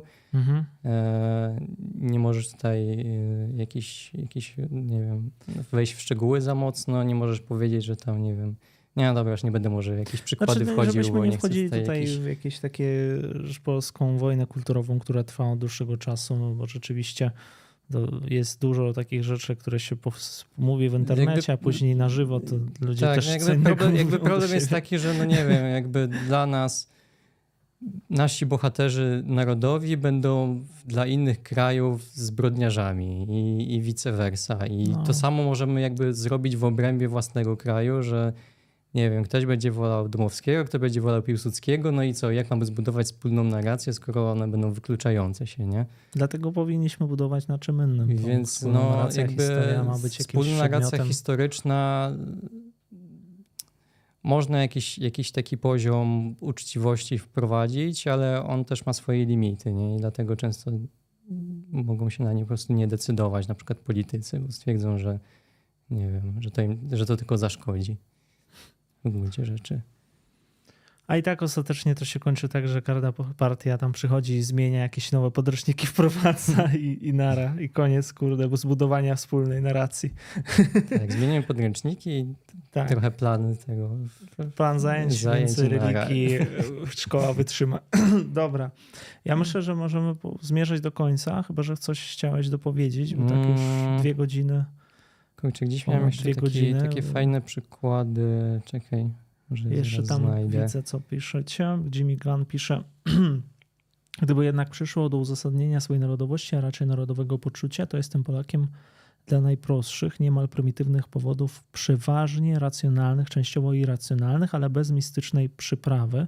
Być Polakiem to ani zaszczyt, ani chluba, ani przywilej. Kurczę, jak mądrze to jest napisane. To samo jest Tak, z oddychaniem.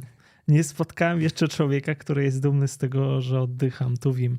A, to jest Tuwim, No, proszę. tak. To no, jest no właśnie, do- ale to będziemy już trochę wchodzić No. na te pole mm, rozróżnienia między nacjonalizmem a patriotyzmem, nie? że jakby no, urodziłem się tu i- no i, i, i tyle w sumie, no ale mogę jakoś Mhm. e, zacząć jakby przyczyniać się do jakiegoś dobrobytu, skoro już tutaj jestem.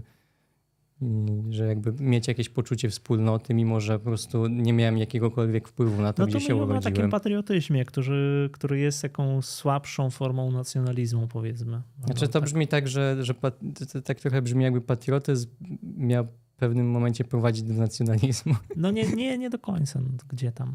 W sensie to, to jest znów jakby, my tutaj nie wprowadzaliśmy żadnych takich rozróżnień, patriotyzm, nacjonalizm, ale w takim najbardziej oczywistym sensie chyba ten patriotyzm to by była po prostu miłość do ojczyzny.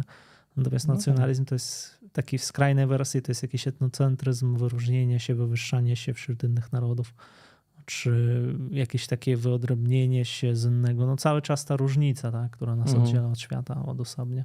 Coś jeszcze, Michał, bo ty mówiłeś, że chcesz coś tam dorzucić. Tak, no mam jeszcze kilka takich fajnych przykładów e, co do tego, jak e, właśnie wyglądają, jak mogą wyglądać takie tradycje wynalezione, nie? I jak one się później przyczyniają do budowania Mhm. Hobbes mam nacjonalistycznych, nacjonalistycznych podstaw. No i na przykład e, jakby Norwegia trochę w ten sposób powstała. To był gdzieś tam od początku XIX wieku. Ona wtedy znajdowała się w Unii ze Szwecją i no było coraz więcej jakby wykształconych Norwegów. E, I zaczęli jakby gdzieś tam mm, wzorować się jakby innymi państwami, które też e, gdzieś tam w Europie jakby powstały jakieś takie ruchy narodowo-twórcze.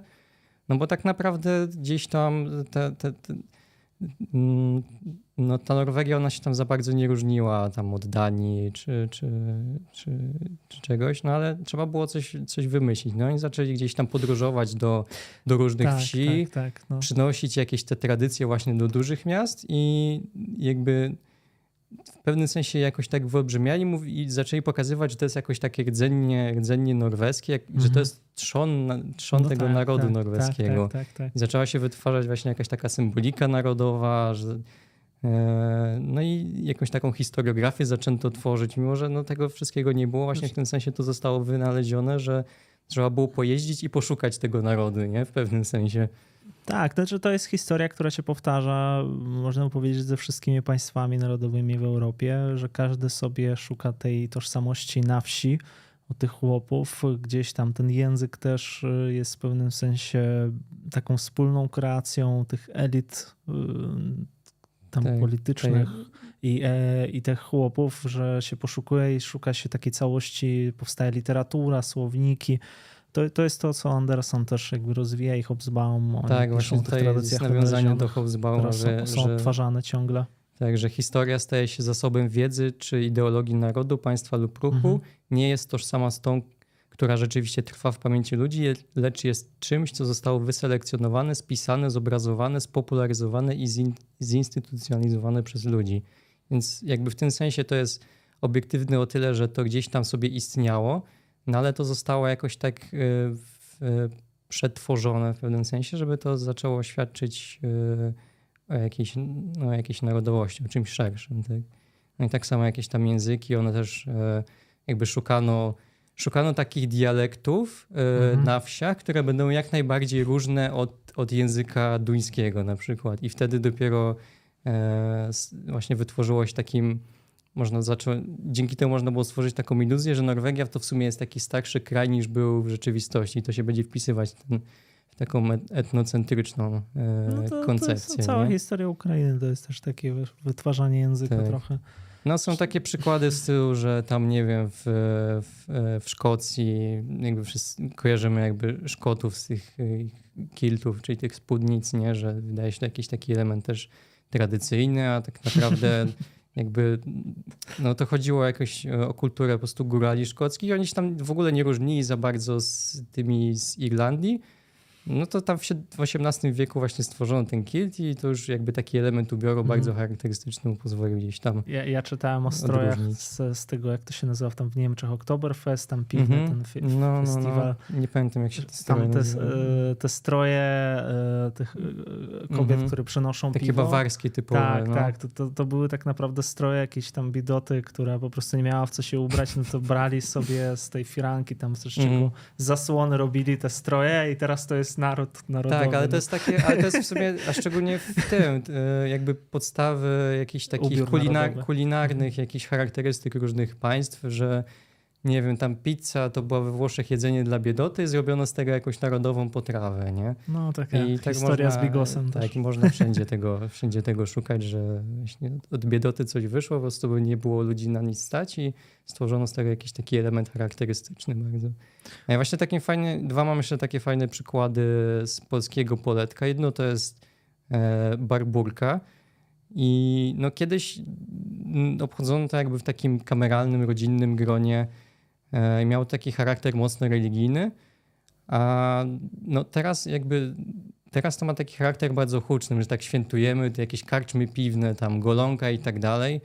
E, A to jest tak naprawdę e, wytwór gdzieś tam lat 80., e, że jakby te władze po prostu, które e, no, no, komunistyczne władze jakby miały taki, szukały, żeby stworzyć jakiś taki świecki charakter temu nadać, taki komercyjny, żeby właśnie ten, ten religijny charakter w tym wszystkim Mhm. e, zmniejszyć, więc no, No, to nas na Śląsku to jest już taka dziadku- tradycja, wydaje się taka, Mróz, no, tam mówiliśmy kiedyś ojciec, dziadek, tam wszyscy barburka i tak dalej, a to w sumie też jest takie bardzo, bardzo współczesne.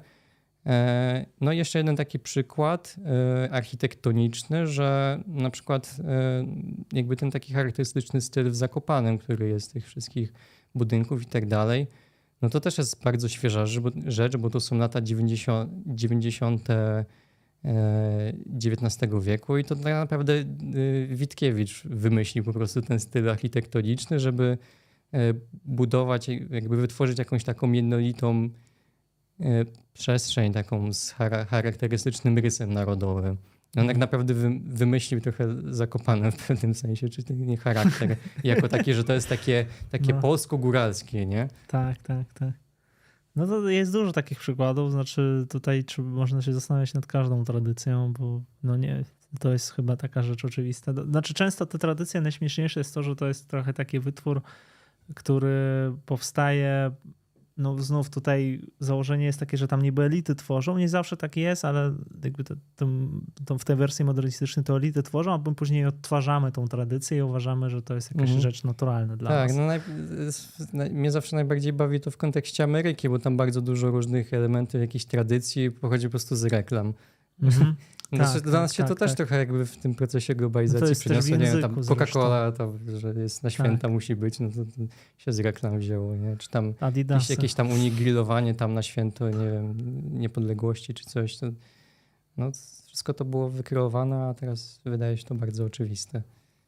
E, Tam jest, na- Robert napisał fajny komentarz. Szkoda, że skrzydła husarskie nie weszły do kanonu ubioru Polaka. Takie. ja bym wchodził. Tak, takie. e, Nie wiem, czy dobrze czytam. Sladanie e, do BMW by się Siadałem przydały. No, do BMW byś sobie przykręcił e, Tak. te husarskie skrzydła. Nie 80., dużo wcześniejszych. Znaczy, ja nie wiem, jakie tam.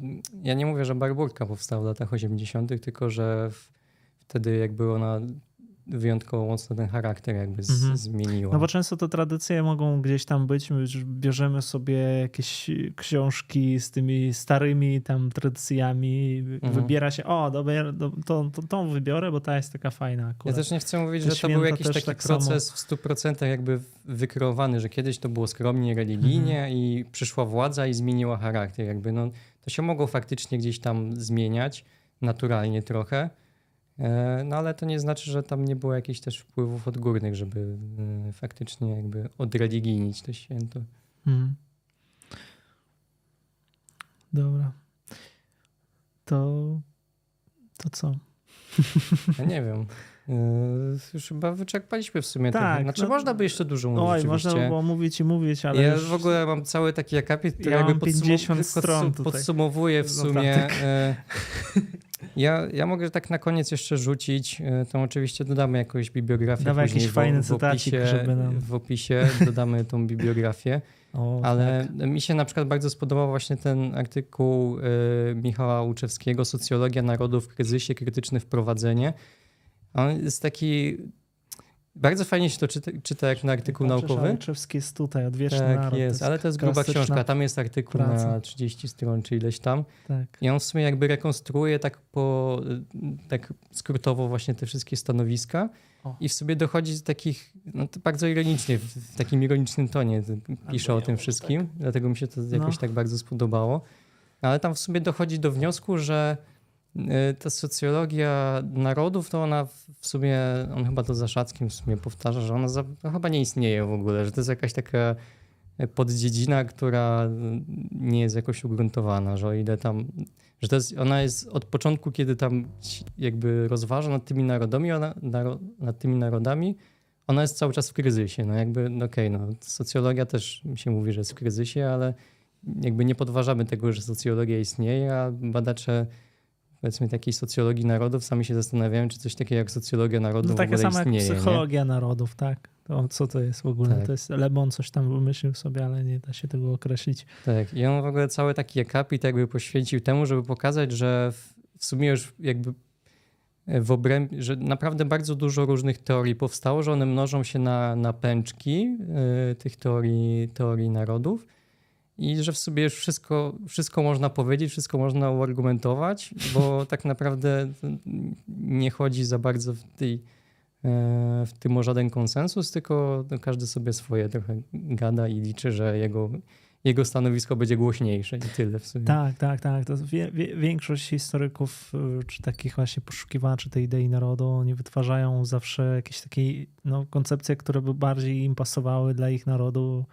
Tak samo jak można zarzucić tym modernistom, tam Andersonowi, że on to robi tylko dlatego, żeby pokazać, że Ameryka i, i te tradycje amerykańskie i europejskie są równoważne, ale przecież te europejskie mają większe zakorzenienie tam w tej historii Mhm. średniowiecznej, tam w Grekach i tak dalej. No, Ja może nie będę, przytoczę tylko kawałek tego, bo on tu dłu- długo leci z tym, ale to brzmi mniej więcej tak, że w trakcie rozwoju dyscypliny badacze narodu okazali się bowiem tak pełni inwencji, że w literaturze przedmiotu możemy odnaleźć niemal każdą wyobrażalną pozycję teoretyczną. W konsekwencji z powodzeniem można twierdzić na przykład, że naród jest wynikiem wolnej woli jednostek decydujących o powstaniu narodu, a z drugiej strony skutkiem historycznych przymusów, że znów zaspokaja potrzeby mas lub że nimi manipuluje, że rozwija się w sposób naturalny lub że jest wynikiem działalności elit i instytucji narodowych, że wyrasta z etnoreligijnej więzi i kultur narodowych lub że przeciwnie z alfabetyzacji rozprzestrzeniania się druku, bla bla bla. No i on tak po prostu wymienia to Super. wszystko i jakby zostajemy z takim poczuciem, że w to, sumie do niczego nie doszliśmy tutaj, że Tak, w sumie ten stream tak. był niepotrzebny, bo oni sami do niczego nie Naród doszli. to no. jest pojęcie puste. Lepiej co- nie zajmować się badaniami narodu, bo dojdzie się do takiego czegoś właśnie, że stwierdzisz sobie. Tak, tak. W sumie te hipotezy są, że badacze często dochodzą do takiego czegoś, że w sumie no te hipotezy one są równoważne, ale to w sumie to w takim razie ja powiem swoją, ona jest No. najlepsza i tyle. No, tak, tak to często jest. Dochodzisz do tego, że w tych teoriach jakby spotykasz się z lustrem.